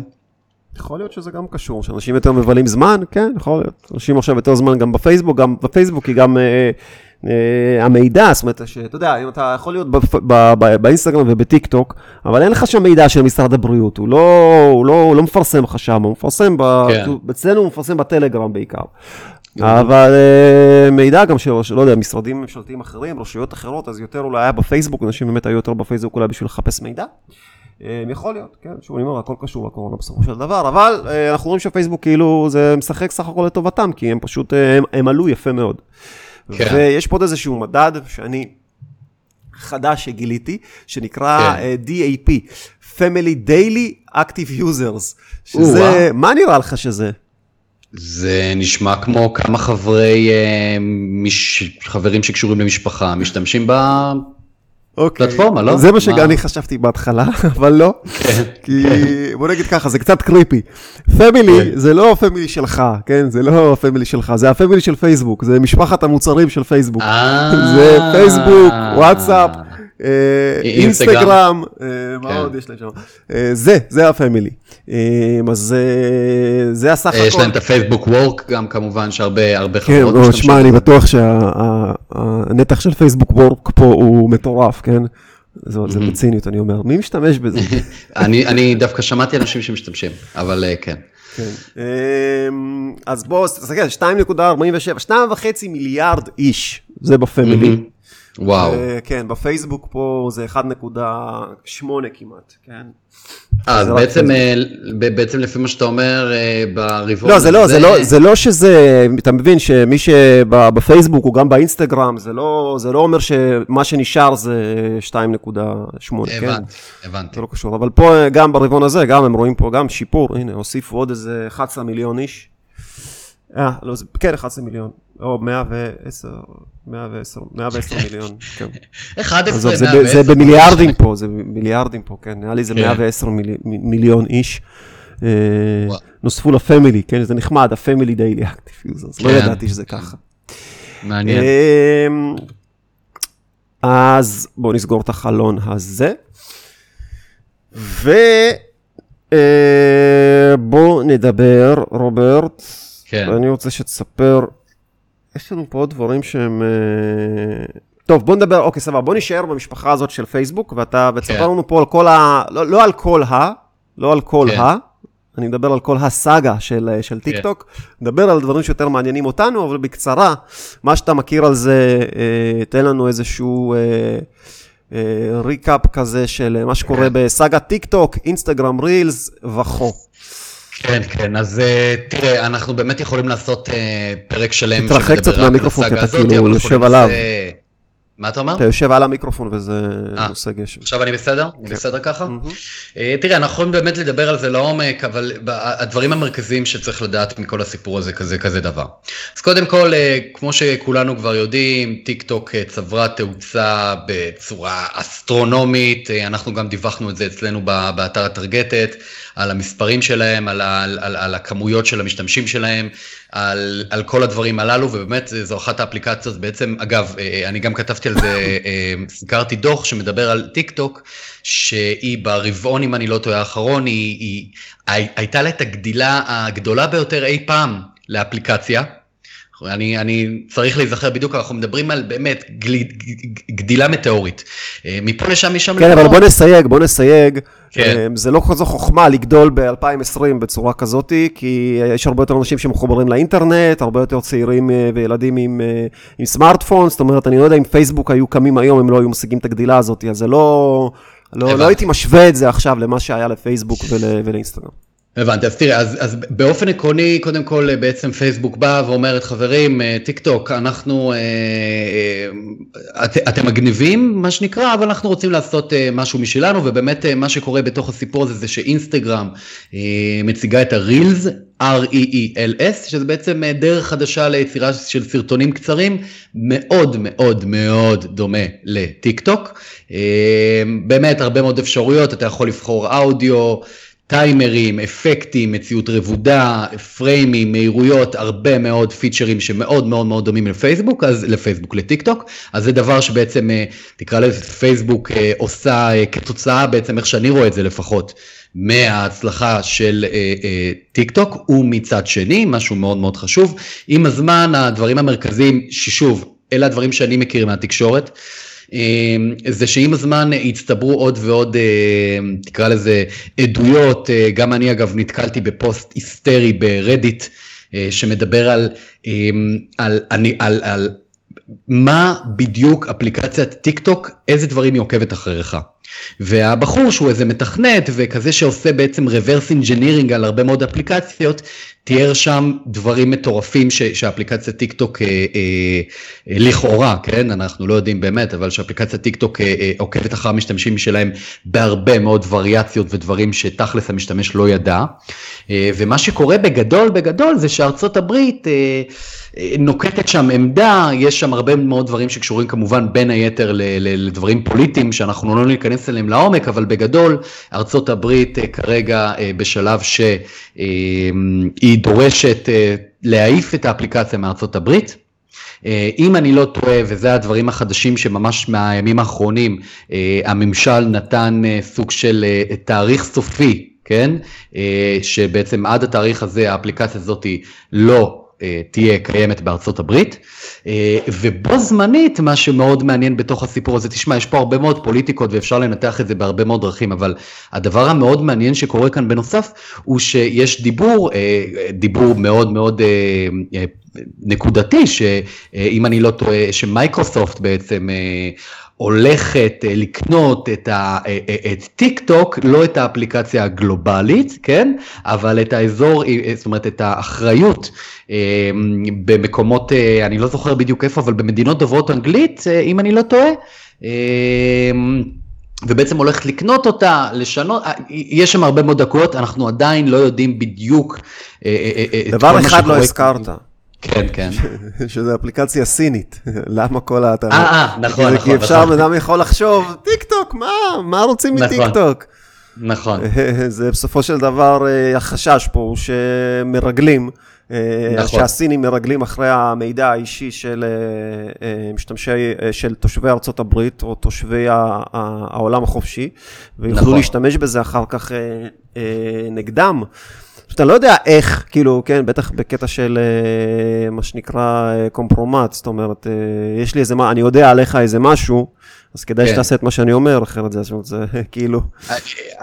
אגב, משהו עוד יותר מטורף בהקשר הזה של הרכישה, מסתבר, וזה ממש ידיעה literally מהיום, אה, שבעצם חברת אורקל נכנסת למרוץ אה, לקניית טיק טוק אה, US Operations. כשאנחנו מדברים על מדינות דוברות אנגלית זה כולל ארה"ב, כנראה הולכים לעשות שם בעצם להשתלט עליה ובעצם להוריד את החשש. ממה שאתה דיברת עכשיו, בעצם מהחשש הסיני הזה כביכול, ובעצם הולכים להשתלט על ה... על, על האפליקציה ב-USA, קנדה, אוסטרליה וניו זילנד, זה הדיבור בגדול. יש פה הרבה מאוד אה, דברים שקורים מאחורי הקלעים, אנחנו עדיין נמצאים בעצם ב, ב, במהלך כל הבלגן שקורה כאן. אה, עוד דבר מאוד מעניין, וזה דיברנו ממש לפני אה, תחילת הפודקאסט הזה, וגם באמת נזכיר את זה, שמשהו מאוד מעניין שטיק טוק יצא עם אתר חדש, שבא בעצם, תקרא לזה להסביר. אמ, שכל הטענות שמגיעות מהצד האמריקאי הן ממש ממש לא נכונות, אה, ובעצם סוג של כאילו סוג של אתר נגד, כן, אה, שמסביר על, על, על, על למה הם טועים, כן. אוקיי. בכל אופן, אה, מאוד מעניין, מאוד מרתק, אנחנו כמובן נעדכן על הדברים האלה. סבבה, אבל זה לא נגמר, רגע, שנייה. זה לא נגמר. קודם כל, בזמן שדיברת, אז הצגתי פה ב- ביוטיוב את, ה- את האינסטגרם Reels, את איך שזה נראה, ואנשים יכולים uh, uh, להתרשם uh, ולראות, הנה, אני אראה את זה. וואי shit, אני אראה את זה עוד, עוד פעם, זאת אומרת ככה זה בעצם, זה כמו, שוב, זה, אני, אני באמת, אני בשבילי, אני לא רואה את ההבדל, כן. זה כאילו סוג חדש של סטוריז שאפשר לעשות, זה הכל, זה כמו, נו, הבומרנג הזה, נו, אז היה נכון. את הבומרנג בנפרד, והיה את כן, אבל, נכון. Dubsmash, שזה לפני איזה חמש-שש שנים, אז זה כאילו, זה עוד פיצ'ר, זה מה שזה. נכון. כמו שהסטוריז עצמו הוא כולה פיצ'ר, כן, שהיה אותו בהתחלה בסנאפצ'אט וכן הלאה. בקיצור, כן. זה מה שזה, אנחנו בדקנו באינסטגרם שלנו, לא ראינו שיש לנו את זה, כנראה שזה עוד לא, לא פה, לא בישראל. כן. אבל מה, ש, אה, מה שמעניין אותי, אה, זה, זה לא רק אה, מה, מה, מה הולכים לעשות לטיק טוק אה, ואיך הולכים לפתור את הבעיות של הריגול הסיני, אלא איך שטיק טוק, טיק טוק מתמודדת עם זה, ולדעתי הם עושים משהו מאוד חכם. זאת אומרת, הרי מה היה הקטע? הקטע הוא שברגע שהתחילו כל החדשות האלה, אה, אה, אה, כל החדשות האלה להופיע, אז כן. היו הרי, יש הרי יוזרים בטיקטוק, יוצרי תוכן, שיש להם פתאום מיליונים של עוקבים, והם עושים תוכן, הם משקיעים, אתה יודע, זה לא, לא קל, זה לא קל כמו שזה נראה לעשות את התוכן הזה, כן? ממש אנשים לא. גם הרבה פעמים חושבים שטוב, זה רק בטלפון. לא, זה לא נכון, זה לא, זה, זה הפקות, הם עושים את ההפקות, הם לומדים, כמו שאנחנו עכשיו למדנו להשתמש ב-OBS, לומדים ב- להשתמש בתוכנות ותוכנות עריכה, וזה היה בתקופה של, של ויין, שזה היה כאילו לפני חמש שנים, נכון. או שש שנים. נכון. זה היה, זה, אני אהבתי מאוד את האפליקציה הזאת, גם הייתי יותר צעיר, כן. אז הוא לא יותר דיבר עליי. אבל זה היה ממש מצחיק, והיו שם ממש מלא חבר'ה אה, מוכשרים מאוד, שהיו כן. מצחיקים. כן. היו מצחיקים, כן. ועשו הרבה מאוד דברים מצחיקים שאהבתי, אבל אחר כך שעשו עליהם כתבות, ועשו עליהם סרטונים, וראית איך הם עובדים. תשמע, זו עבודה כן. קשה, אנשים שעובדים על זה כל היום, גם לכתוב את התוכן, אה, לעשות אותו, לצלם מלא מלא פעמים עד שזה יוצא כמו שרוצים, אה, לערוך לפעמים, זאת אומרת, גם אה, בקטע טכני יש פה איזשהו אתגר, ואותו דבר בטיקטוק, אני מניח, למרות שאני לא, לא בטיקטוק, הורדתי את זה איזה כמה פעמים, אבל לא... לא, אף פעם לא, לא הצלחתי להתעניין, אבל אני אומר, אז היוצרי תוכן האלה באמת נלחצו קצת, אמרו, רגע, אנחנו פה השקענו כל כך הרבה, ואנחנו, זה סוג של עסק בשבילנו, כי אתה יודע, הם גם מוכרים פרסומות, הם, כן. הם, זאת אומרת, הם מביאים מפרסמים. אה, אה, בשביל שאתה יודע, סרטונים ממותגים ומעבירים אנשים ליוטיוב, ששם יכולים לעשות לו אחרת, זאת אומרת, זה קטע כזה של, אה, שכחתי, יש לזה איזשהו מונח של להיות מסוגל להעביר עוקבים מפלטפורמה לפלטפורמה, אז הם כן. מגדילים אותו בטיקטוק כי קל לגדול שם, אבל אז הם עושים... cross promotion. כן, ואז הם עושים משהו בשביל להעביר את האנשים, לא, לדעתי זה היה איזשהו שם אחר, מעבירים אותם ליוטיוב או לאינסטגרם, ושם יש יותר אפשרויות מוניטיזציה. בקיצור, אז הם נלחצו. אמ, ופה זה הסכנה האמיתית, כי בעצם אם לא, אם לא היו, לא יהיו את ה... לא יודע, חצי אחוז או רבע אחוז יצ, יצרני תוכן המאוד איכותיים שכולם עוקבים אחריהם, אז בעצם לא, אין, לא, אין שום בעצם אה, זכות קיום לאף פלטפורמה. כן. ופה טיק טוק הרגישו בעיה, והם ישר הודיעו שקודם כל הם פותחים איזשהו, אה, איזושהי קרן של מיליארד דולר, אה, שהם ייתנו בעצם מיליארד דולר ליצרני, ליצרי תוכן בטיק טוק. בשביל שיוכלו בעצם לממן, לממן את, את כל תהליך יצירת התוכן שלהם ולחיות מזה, כן. אה, מה שישקיעו בהם. ו... זה התחיל מזה שלפני כבר כמה חודשים הם, היה להם קרן ראשונה, משהו ל, ל, ללימוד, זאת אומרת הם עשו איזשהו קריאייטיב, אה, לא יודע, קולג' אמ-המ. או משהו כזה, ובעצם, אה, שכחתי איך הם קראו לזה, אבל שם בעצם זה היה אה, קרן של 50 מיליון דולר, או איזשהו פרויקט שתוקצב ב-50 מיליון דולר, שבו הם היו אמורים לעזור לאנשים ללמוד לייצר את התוכן, כי יש, נגיד, יש כאלה שטובים מאוד ב, בלכתוב את החומרים, אבל הם, קשה להם בעריכה הטכנית, אז לוקחים כן. ללמד אותם עריכה טכנית, ויש את ההפך וכן הלאה, אז בזה הם השקיעו. אחר כך, איך שהתחיל הבלאגן, הם הודיעו שאנחנו שמים 200 מיליון דולר בשביל פשוט להשקיע ביוצרי תוכן, כן, ממש הם יקבלו כסף בשביל שהם יעבדו אה, וייצרו תוכן אה, אה, בטיק טוק, וזה לא כן. איזה משהו שאמור לפגוע ביכולת שלהם לעשות מוניטיזציה בעצמם אחר כך, זה רק פשוט בשביל להשאיר אותם בטיק טוק, ואחרי שהייתה התנפלות מאוד גדולה על ה-200 מיליון דולר האלה, הם, הם הודיעו שאנחנו נעשה מיליארד דולר. ענק. זאת אומרת, אנחנו בסוף נגדיל את זה למיליארד דולר. כשאת ה-200 דולר הם מחלקים בשנה הראשונה, ואז בעוד שנתיים שלוש לאחר מכן הם צפויים לחלק עד כמיליארד דולר, ואפילו ממש לפני כמה ימים כבר קראתי שהייתה ידיעה שהכתבה מי ספציפית הוולוגרים ש... שקיבלו את זה, כן. שכבר קיבלו את המימון. כן. אה, אגב, אה, בהקשר הזה, אגב, בו זמנית, מה ש... תשמע, זה הרבה מאוד חדשות רק על טיקטוק, אבל בו זמנית, חשוב לציין, אנחנו רק נזכיר בשורה אחת, אה, במילה אחת, זה שבו זמנית בחודשים האחרונים, ממש, אני לא זוכר אם זה היה לפני חודש או חודשיים, טיקטוק בעצם פתחו את אפשרויות הפרסום במערכת באופן גלובלי, בעצם עד היום או עד לפני חודש זה היה רק חלק קטן מהסוכנויות הייתה להם איזה גישה להתעסק בזה היום זה ממש סלף פלטפורם, כמו שאתה מפרסם בפייסבוק, כל אחד יכול לבוא, לפתוח חשבון ולפרסם. אה, אה, יכול להיות שבקרוב ננסה את זה עם חלק מהלקוחות שלנו שכבר אמרו לנו אגב שהם פתחו שם חשבון וזה, והם צוברים אה, עוקבים די, די בקלות, כמובן מייצרים כן. תוכן שנראה מאוד טוב. אבל הצמיחה של, של כמות העוקבים היא מאוד, מאוד מהירה ומרשימה. אכן, אגב, רק סיום אחרון שלי בהקשר הזה, בפן הפוליטי, אה, מהדברים האחרונים, כן? בעצם אה, טראמפ ממש לפני כמה ימים נתן 90 יום, ממש 90 יום עד שהאפליקציה הזאת היא בעצם, אה, שאו מישהו השתלט על הפעילות שלה בארצות הברית בעצם, כן? 90 יום לכל הסיפור הזה, ובגלל זה גם אמרתי לך שאורקל פה נכנסה לסיפור, יש שם איזה, מקבלים החלטה של מי יבוא ויקנה את ה... מי רוצה לקנות את החברה, מה שכן חשוב לציין, רק שתבין פה את המספרים, ב-2020, אנחנו מדברים על השנה הזאת, אנחנו עדיין באמצע השנה, האפליקציה הגיעה לשתי מיליארד הורדות, Worldwide, אוקיי? שתי מיליארד הורדות. Mm. זה באמת מספר היסטרי, ובאמת דבר אחרון, לטענת הממשל הם, הם אומרים בציטוט, כן? credible evidence, ש, ש, שבעצם טיק טוק עוקבת אחר המשתמשים באופן לא חוקי. בכל אופן, אנחנו כמובן נעדכן על זה בהמשך בטרגטת. אנחנו נעדכן, הכל כרגע ממש, אנחנו נמצאים באמצע הסיפור הזה, שורה תחתונה. אבל זה מאוד מאוד מעניין.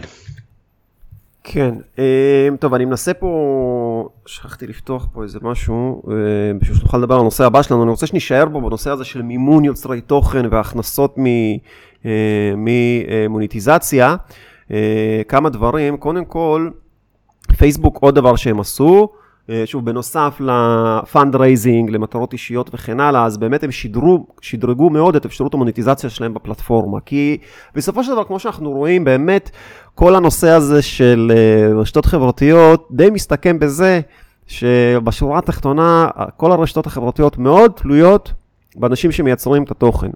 וזה משהו שלא הרגשנו לפני כמה שנים. אפילו, כן. לא יודע, עד 2015, 2014, לא הרגשנו, כי היה באמת היה את הפייסבוק, ואתה יודע, אם רצית לייצר תוכן, אז תייצר תוכן בפייסבוק, אין לך עוד איפה, אין לך קהל בעוד מקומות. פייסבוק, כן. טוויטר, מה זאת אומרת, אין עוד, אבל יש מעט, זה מוגבל מאוד, והן גם מאוד שונות אחת מהשנייה, זאת אומרת, אין משהו, לא היה משהו שהוא דומה לפייסבוק, לא היה משהו שהוא דומה לאינסטגרם, לא היה משהו שדומה לטוויטר, לא, זאת אומרת, זה היה הכל מאוד, אה, הבידול היה מאוד רציני. עכשיו התחרות כן. גדלה, הבידול הוא כבר לא כזה גדול, כי באמת, לך תבין עכשיו מה מיוחד ב... אה, ב... איך זה נקרא? בסנאפצ'אט, לעומת אינסטגרם, לעומת פינטרסט, כן. כאילו זה הרבה יותר קשה להבין את זה. אה, וזאת אומרת, זה מצד אחד קשה להם לבדל את עצמם, מצד שני יש יותר אפשרויות ל... ל... למשתמש שיוצר את התוכן, אבל זה מה שהכי חשוב, יוצרי התוכן זה הכי חשוב בסופו של דבר. ו... אז אנחנו רואים באמת איזושהי מגמה שהולכת לקטע הזה שכל הפלטפורמות אה, מבינות שהן צריכות לרצות ולספק את, ה... אה, לספק את המענה הטוב ביותר ליוצרי, אה, אה, של מוניטיזציה ליוצרי התוכן, זאת אומרת, הם צריכים לדאוג שהם ירוויחו. רואים את זה בכל מקום, ביוטיוב, בפייסבוק, אינסטגרם וטיק טוק, מה שדיברנו עליו עכשיו. כן. וגם היה את הקטע הזה עם ג'ו רוגן הזה, שאני באמת בחיים שלי לא הקשבתי לו, לא יודע, אני לא... אני כן. אוהב פודקאסטים ארוכים, אבל לא, לא יודע, לא באנגלית. כן. ושהוא בעצם, שילמו לו כמה, לא יודע, 100 מיליון. דולר בשביל שיעזוב את היוטיוב, או יעזוב כל דבר אחר שהוא עושה, וייצר תוכן רק לספוטיפיי. נכון. זאת אומרת, זה ממש איזושהי מגמה כזאת שיש באמת ריב על יוצרי תוכן. אה, וזה נכון, כן? זאת אומרת, זה נכון, בעבר הם היו סוג של uh, ספקים שבויים של הפלטפורמות האלה, לא היה להם איפה, זאת אומרת, אתה יודע, זרקו לך כמה עצמות, uh, כן. לקחת אותם וזהו, עכשיו יש להם בחירה. ו...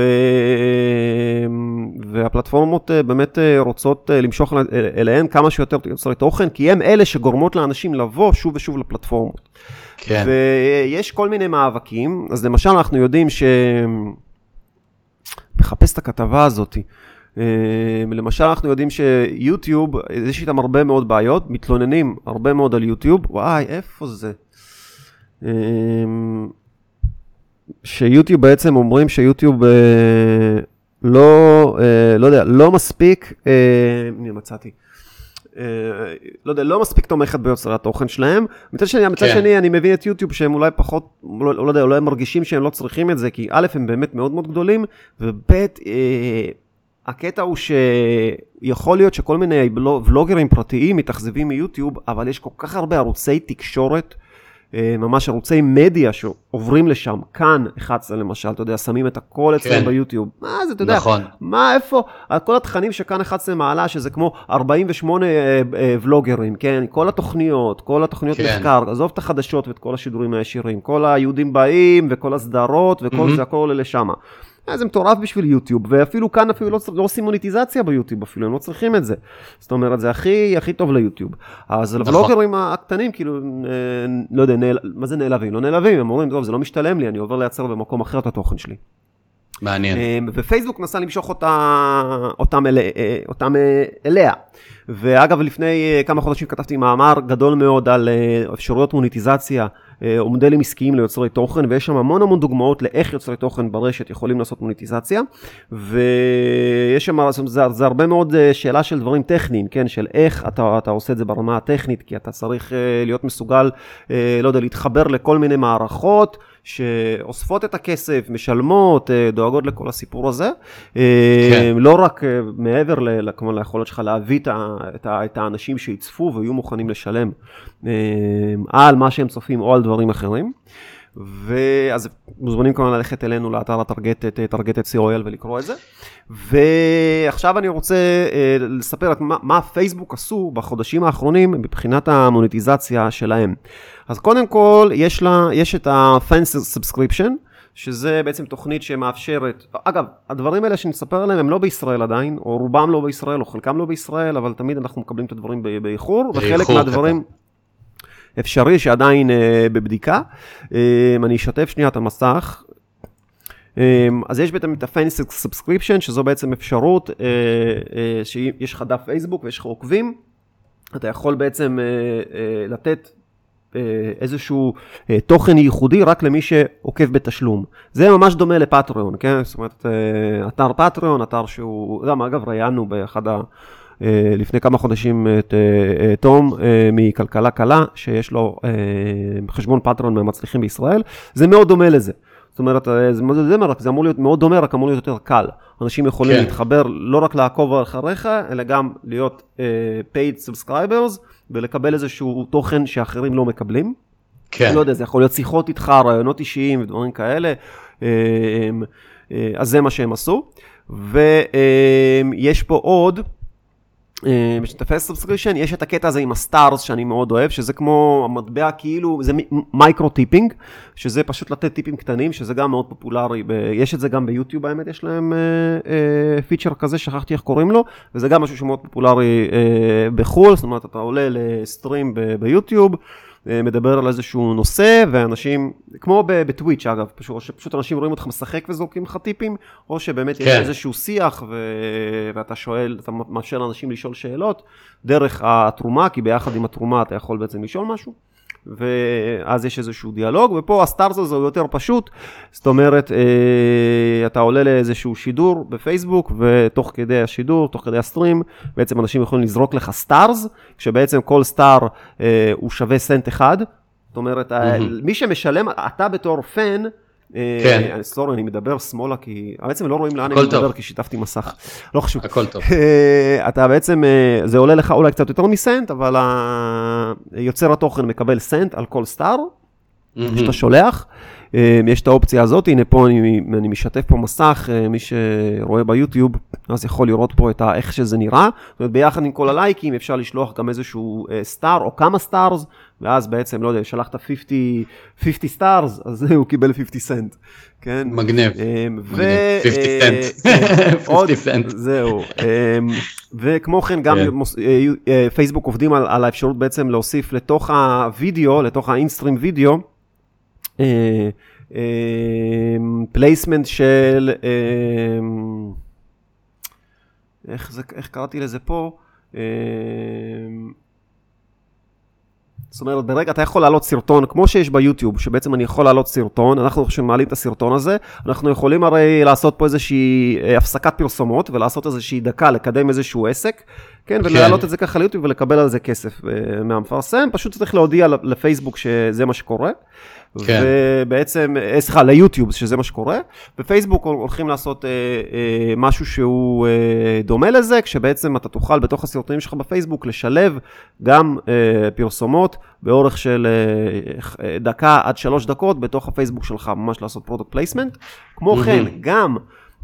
בשידורים לייב יהיו מודעות. זאת אומרת, עד עכשיו אין את ה placement הזה, שאתה עושה קמפיין בפייסבוק, אתה לא יכול להגיד לו, תריץ את המודעה שלי בשידורי לייב, כמו שיש ביוטיוב. היום ביוטיוב, כשאתה רואה את היוטיוב, אז אתה יכול לראות שידור לייב. קופץ לך, כן. זה מביא לך פרסומות. אז אותו דבר כן. הולך להיות בפייסבוק, וזה גם כמובן ישר, זה גם כמובן, זה רווחים שפייסבוק תתחלק איתם עם יוצרי התוכן שבלייב שלהם יש את המודעות, ו-paid online events, שזה גם כבר uh, ממש נכנס ב-20 מדינות, uh, בעצם אפשר כמו לעשות וובינר בתשלום. זאת אומרת, אתה הולך, uh, פותח וובינר כמו שאתה עושה היום בזום או ב- בכל מקום כן, אחר, אבל אתה תעשה את זה בפייסבוק.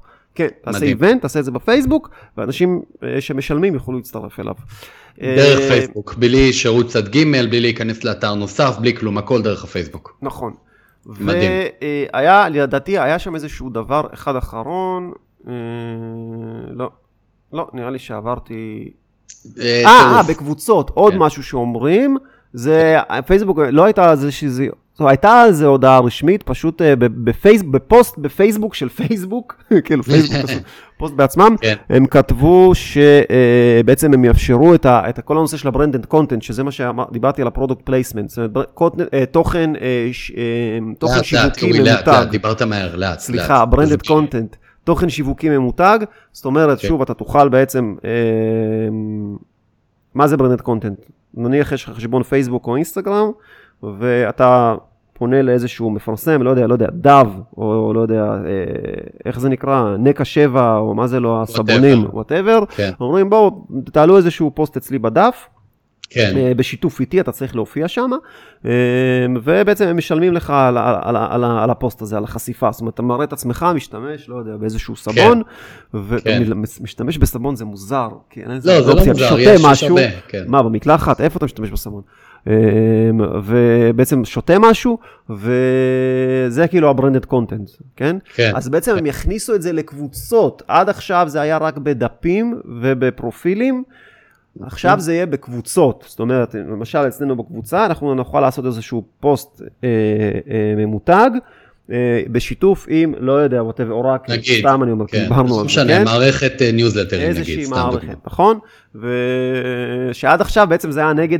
כאילו גם עכשיו יכלת לעשות את זה, זה פשוט היה נגד התקנות, ואז כמו שקרה כן, לסטטוסים מצייצים, אה, מאחורי הקלעים. כמו שהיה עם סטטוסים מצייצים, ואז אתה בעצם יכול לקבל איזושהי אה, ענישה, או יכולים לסגור אותך ולהעיף אותך, עכשיו זה יהיה כן. פשוט רשמי, זאת אומרת, אתה גם, אתה, פשוט תוכל לדווח על זה, והפוסט הזה יהיה פוסט מיוחד, זאת אומרת, יהיה לו איזשהו עיצוב, ויש שם איזשהו סימון, זה יהיה כן, מתויג. יהיה כתוב, partnership with, משהו כזה. מגניב, נכון. תשמע, זה, זה Game Changer כשזה, כשזה יעלה. תשמע, אני לא יודע אם זה Game Changer, כי זה מה שאמרתי בהתחלה, זה, זה, זה, זה המאבק הזה על, על יוצרי התוכן, זה מה שזה. Mm. זאת אומרת, כולם עושים mm. כל מיני אה, דברים, כן? יוטיוב באמת יותר, אה, פחות אכפת להם, אבל הם יותר חזקים באינטגרציות, זאת אומרת, באמת אתה יכול אה, דרך כל הכלים של ה-OBS, באמת ביוטיוב, אה, להשתמש בזה הרבה יותר טוב, וזה גם פלטפורמה שהיא מיועדת לצפייה ארוכה, גם יש את זה בתוך הסטרימרים, נכון? אתה יכול לצפות את זה בבית, כן. בסלון בטלוויזיה, בפייס, עם פייסבוק פחות עושים את זה. כן. אה, וכמובן הקהל ביוטיוב הרבה יותר, הרבה יותר גדול אה, לצפיות, לצופי וידאו, זאת אומרת, אנשים ממש באים לשם בשביל לצפות, וגם אה, ברגע שאתה מעלה סטרים אז רואים את זה, העוקבים שלך מקבלים התראות וכן למרות, למרות שככל שהזמן עובר, פייסבוק מנסה כמה שיותר, אתה יודע, היא, היא לדעתי מצליחה לקחת חלק מהמשתמשים הקבועים של יוטיוב לפייסבוק. ככל שהזמן עובר, וגם אגב, עוד דבר שתכלס לא הזכרנו אותו בחדשות, אבל הוא מאוד מאוד חשוב בהקשר הזה של יוצרי התוכן, שזה בדיוק מה שאתה מדבר עליו, הם גם מנסים אה, לקחת, תקרא לזה, חלק מכל העניין של יצירת התוכן ברמה של אה, מה שקשור למוזיקאים, ובאמת כל התחום של המוזיקה, שהם מתחילים אה, בעצם, הם, הם הולכים לגרום, הם הולכים לייצר עמודי אומנים באופן אוטומטי, זה גם סיפור בפני עצמו, אבל בגדול הם בעצם מנסים לקחת, לגרום לאומנים לפרסם את המוזיקה שלהם במקום ביוטיוב בפייסבוק. כן. ובג... והם הולכים אפילו לטענתם אפילו להציע כאילו קצת יותר כסף ממה שיוטיוב מציע לאותם אומנים. אנחנו מדברים על אומנים פופולריים שמגיעים למיליוני צפיות, כן? אבל זה גם, זה בעצם גם מתחבר למאבק עם יוצרי התוכן בעצם, כי גם מוזיקאי הוא יוצר תוכן לכל דבר, כן? לא, לא, ברור, כמובן. אוקיי, טוב, שמע, נשארנו פה עוד שתי ידיעות קטנות שאני רוצה לעבור עליהן, אה, עם דברים ככה קצת טכניים. אז קודם כל, יש את הטפסי לידים של, אה, טפסי לידים של אה, גוגל, זאת אומרת, זה היה בתוך הסר, שיש את זה כבר איזושהי תקופה, הם אומרים שזה לא בטא, אבל עדיין כתוב על זה בטא כשאתה הולך לעשות את זה. והטפסי לידים בעצם הולכים להגיע עכשיו גם למודעות display, זאת אומרת, שוב, טפסי לידים, כמו שבפייסבוק יש תופ, קמפיין שהוא טופס לידים, אתה לא צריך לשלוח לדף נחיתה, אתה פשוט עושה את הקמפיין, אנשים פותחים את הטופס וממלאים אותו בתוך הפייסבוק או בתוך האינסטגרם או בלינקדאין, גם בלינקדאין יש את זה. אותו דבר, היה איזושהי תקופת טסט בגוגל, ועכשיו אומרים, אנחנו מכניסים את זה גם ל display, שזה אומר גם בקמפיינים של GDN, זאת אומרת בקמפיינים של הבאנרים, אפשר יהיה בעצם לעשות, יש לך מודעה של באנר, לוחצים עליה, במקום להגיע לאתר מגיעים. אה, לטופס לידים, כן. זה הולך לצאת בקרוב. ובמסגרת כן. אה, שזה יהיה בדיספליי, זה יהיה גם בדיסקאברי, כן? בתוך, דיסקאברי זה כאילו הדיספליי של יוטיוב, זאת אומרת, כשאתה מחפש ביוטיוב, עושה איזשהו חיפוש, אז מופיעים לך תוצאות, תוצאות חיפוש, או המלצות לכל מיני, של כל מיני מודעות. אז גם כן. שמה יהיה לך את האפשרות בעצם אה, לשים מודעת לידים במקום לשלוח לדף נחיתה. והמודעת לידים, בואו אנחנו פשוט נשתף את המסך שנוכל לראות אה, בקצרה איך זה נראה. אז הנה פה אתם יכולים לראות, אני אגדיל את זה. ממש את המודעת לידים ביוטיוב. זאת אומרת, אה, יש פה איזשהו סרטון ש... שרואים, זאת אומרת, זה לא אמור להיות, אה, לא, זה סתם דוגמה למודעת לידים ביוטיוב אה, כסרטון, זה רגיל, זה היה. כן? זה לא, זה לא חדש, זה היה איזושהי תקופה כבר uh, בטסטים, אבל ככה כן. הטופס הזה נראה שאתה ממלא אותו. מה שאני אהבתי, אגב, שהם עשו עכשיו, הם גם בנוסף לזה הוסיפו לזה עוד אפשרויות של ממש uh, איזה uh, שאלות שאתה יכול לשאול את הגולש. בפייסבוק פחות יש לך מקום לזה, אתה כביכול טכנית יכול בפייסבוק להכניס איזה שדות שאתה, שאתה רוצה ולשאול שאלות, אבל פה זה ממש מובנה. זאת אומרת, פה תראה, למשל, שאלות של, uh, uh, אם למשל אתה מפרסם uh, בתחום הר... רכב, אז ממש אתה יכול uh, פה לשאול uh, שאלה מובנית, איזה מודל אתה מעוניין בו, או uh, מה, מה הסוכנות רכב המועדפת עליך וכן הלאה, איזה רכב, האם יש לך רכב, איזה רכב יש לך וכן הלאה, וככה זה גם עובר להרבה מאוד קטגוריות אחרות, ב-education, ב-jobs, כן. עובדים, mm-hmm. ו... זאת אומרת, הטופס הזה הולך להיות, סך הכל אמור להיות יותר מורכב, uh, יותר, עם, אמור להיות עם יותר אפשרויות ממה, ש, ממה שיש לך היום בטופס של לינקדין, uh, וכמובן הם הוסיפו לזה גם עוד דברים, הוסיפו לזה גם uh, uh, מקום העבודה ואימייל של העבודה ודברים כאלה שלא היו בעבר, וזה היה מאוד חשוב בלינקדין. אז כן. גם ביוטיוב עכשיו יש, את יש את הדברים האלה, אפשר לשאול גם את האנשים איפה הם עובדים, באיזה חברה ומה האימייל שלהם בעבודה. זה בקשר ל... אה, רגע, בעצם מי שביוטיוב עכשיו לא ממש ראה, כי זה היה קטן, עכשיו אני הגדלתי את זה קצת. זה בעצם אה, חלק, זה בעצם התוספת, זאת אומרת, לטופס, שיש את הנושא הזה של ה-questions. אה, דבר אחרון שרציתי להגיד עליו, עדכון ממש קטן, bidding, אה, שיטת bidding חדשה בגוגל, סליחה, בגוגל אדס לקמפיינים של אפליקציות, כן, של ה- app campaigns, מה שהיה פעם UAC, Universal App Campaigns. זה, שנייה, אני רוצה לראות אם יש לי את זה, כן, יש לי את זה. ככה, בעצם מי שמכיר, מי שעשה קמפיינים של, אה, של app campaigns, אה, בעצם יודע שהקמפיינים האלה, יש לך אפשרות בעצם ב bidding, רק אפשרות אחת, שבה בעצם אתה אומר, אתה, מה, מה האופטימיזציה אמורה להיות, installs או איזה שהם איבנטים, ואז כן. אתה קובע מקסימום, מקסימום bid. זאת אומרת, מה המקסימום bid שלך ל conversion, בין אם ה conversion הוא install, או בין אם ה conversion הוא איזושהי in-app, איזושהי פעולה בתוך האפליקציה. אה, היית חייב לקבוע איזשהו target אה, cost, זאת אומרת, היית אומר, אוקיי, דולר, לא יודע, דולר וחצי וכן הלאה, אה, ולפי זה זה היה עובד, זה היה עושה את המקסימום. אבל הם הוסיפו לזה עכשיו את ה-Maximum Conversion, שמה זה אומר? זה אומר, אתה לא צריך לקבוע לזה את הסף, פשוט אתה בוחר שהמטרה שלך זה להשיג כמה שיותר בתקציב הנתון, ואנחנו לבד נקבע מה הביד צריך להיות. Mm-hmm. זאת אומרת, אתה לא, לא צריך כבר לשים סף. הבעיה עם זה היא בעצם שאתה יכול לשים סף ואתה יכול לגלות שהוא נמוך מדי, ובעצם, אה, ואז אתה לא מקבל מספיק ממה, ממה שאתה רוצה, ואתה לוקח לך כן. זמן עד שאתה כל פעם מעלה את זה, מעלה את זה, עד שאתה מוצא את מה, את מה שנכון, וגם לפעמים, כן. אתה, לפעמים אתה מגדיר אה, ביד שהוא הוא גבוה מדי, וברמת העיקרון בשיטת אה, מחזרים, מחזרים, בשיטת. המכרזים של second bid pricing, זה לא, לא כל כך נורא לשים משהו, לשים ביד שהוא, שהוא גבוה מדי, אבל כן. זה יפגע לך גם שוב בנפח. זאת אומרת, אתה לא אמור לקבל יוזרים פחות טובים, אבל uh, אתה לפחות בנפח, אתה, אתה תפגע בעצמך. והאופציה הזאת היא בעצם אומרת, עזוב, בוא, אל, אל תשים דולר, אולי זה רק 70 סנט אתה צריך.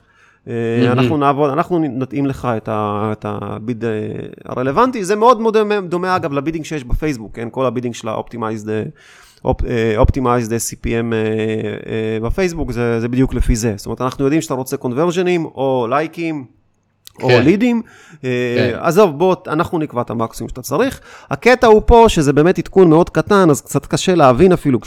מי שלא, מי שעושה קמפיינים יכול בטעות לפספס את איך שזה, את איך שזה נראה, כי אין לזה איזושהי שיטה, אין לזה איזושהי הגדרה אה, נפרדת, פשוט צריך להוריד את ה-V מה set target אה, cost. זה, זה, זה כאילו כי- כמעט אין שום שינוי, זאת אומרת, כשמגיעים לקמפיין, אז מגיעים למסך הזה, מי שביוטיוב עכשיו רואה, פשוט הוסיפו checkbox שהוא מסומן,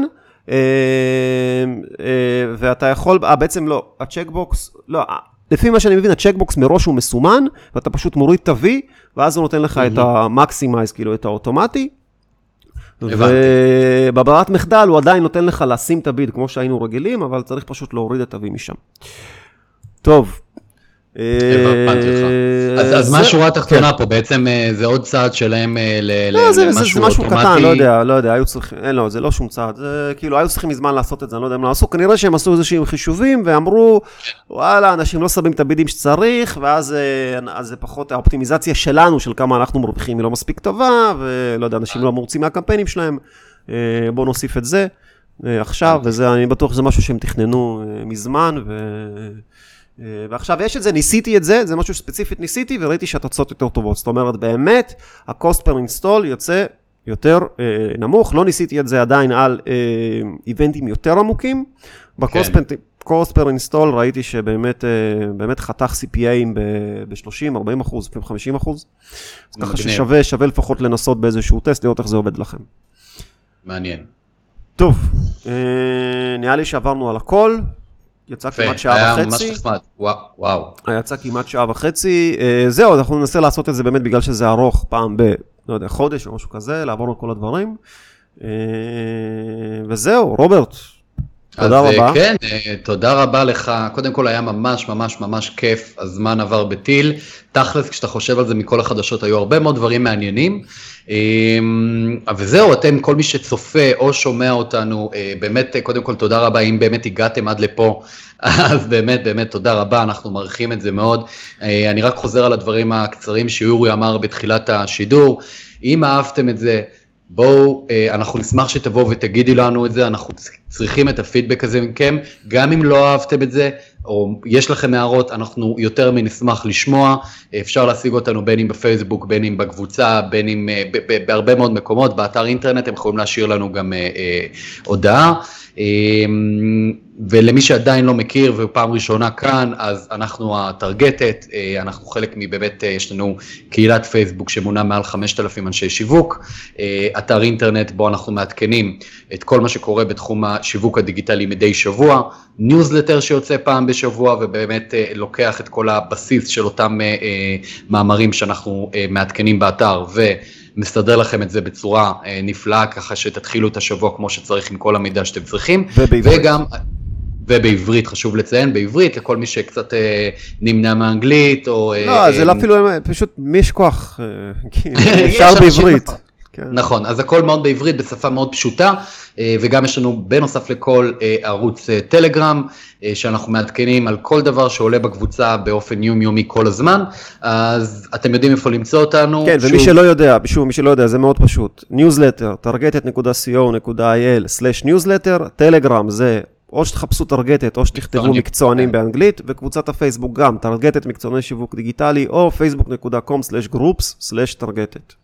בהחלט, אז באמת באמת תודה לכל מי שמאזין, כל מי שצפה, אה, יש לנו גם כמובן את ערוץ היוטיוב שצובר לו תאוצה, אז נשמח גם אם תעקבו אחרינו, אה, תעשו לנו את אה, הלייקים ותפנקו אותנו, אנחנו משקיעים הרבה מאוד מאמצים בהכנת התכנים הללו, גם ברמה הטכנית וגם ברמה באמת שזה דורש זמן ומאמץ, אז זה הכל, זה הכל, שיהיו ימים טובים יותר, שהקורונה תיגמר. אמן. ו... ורק בשורות טובות. יאללה, תודה לכולם. יאללה. ביי תודה ביי. רבה.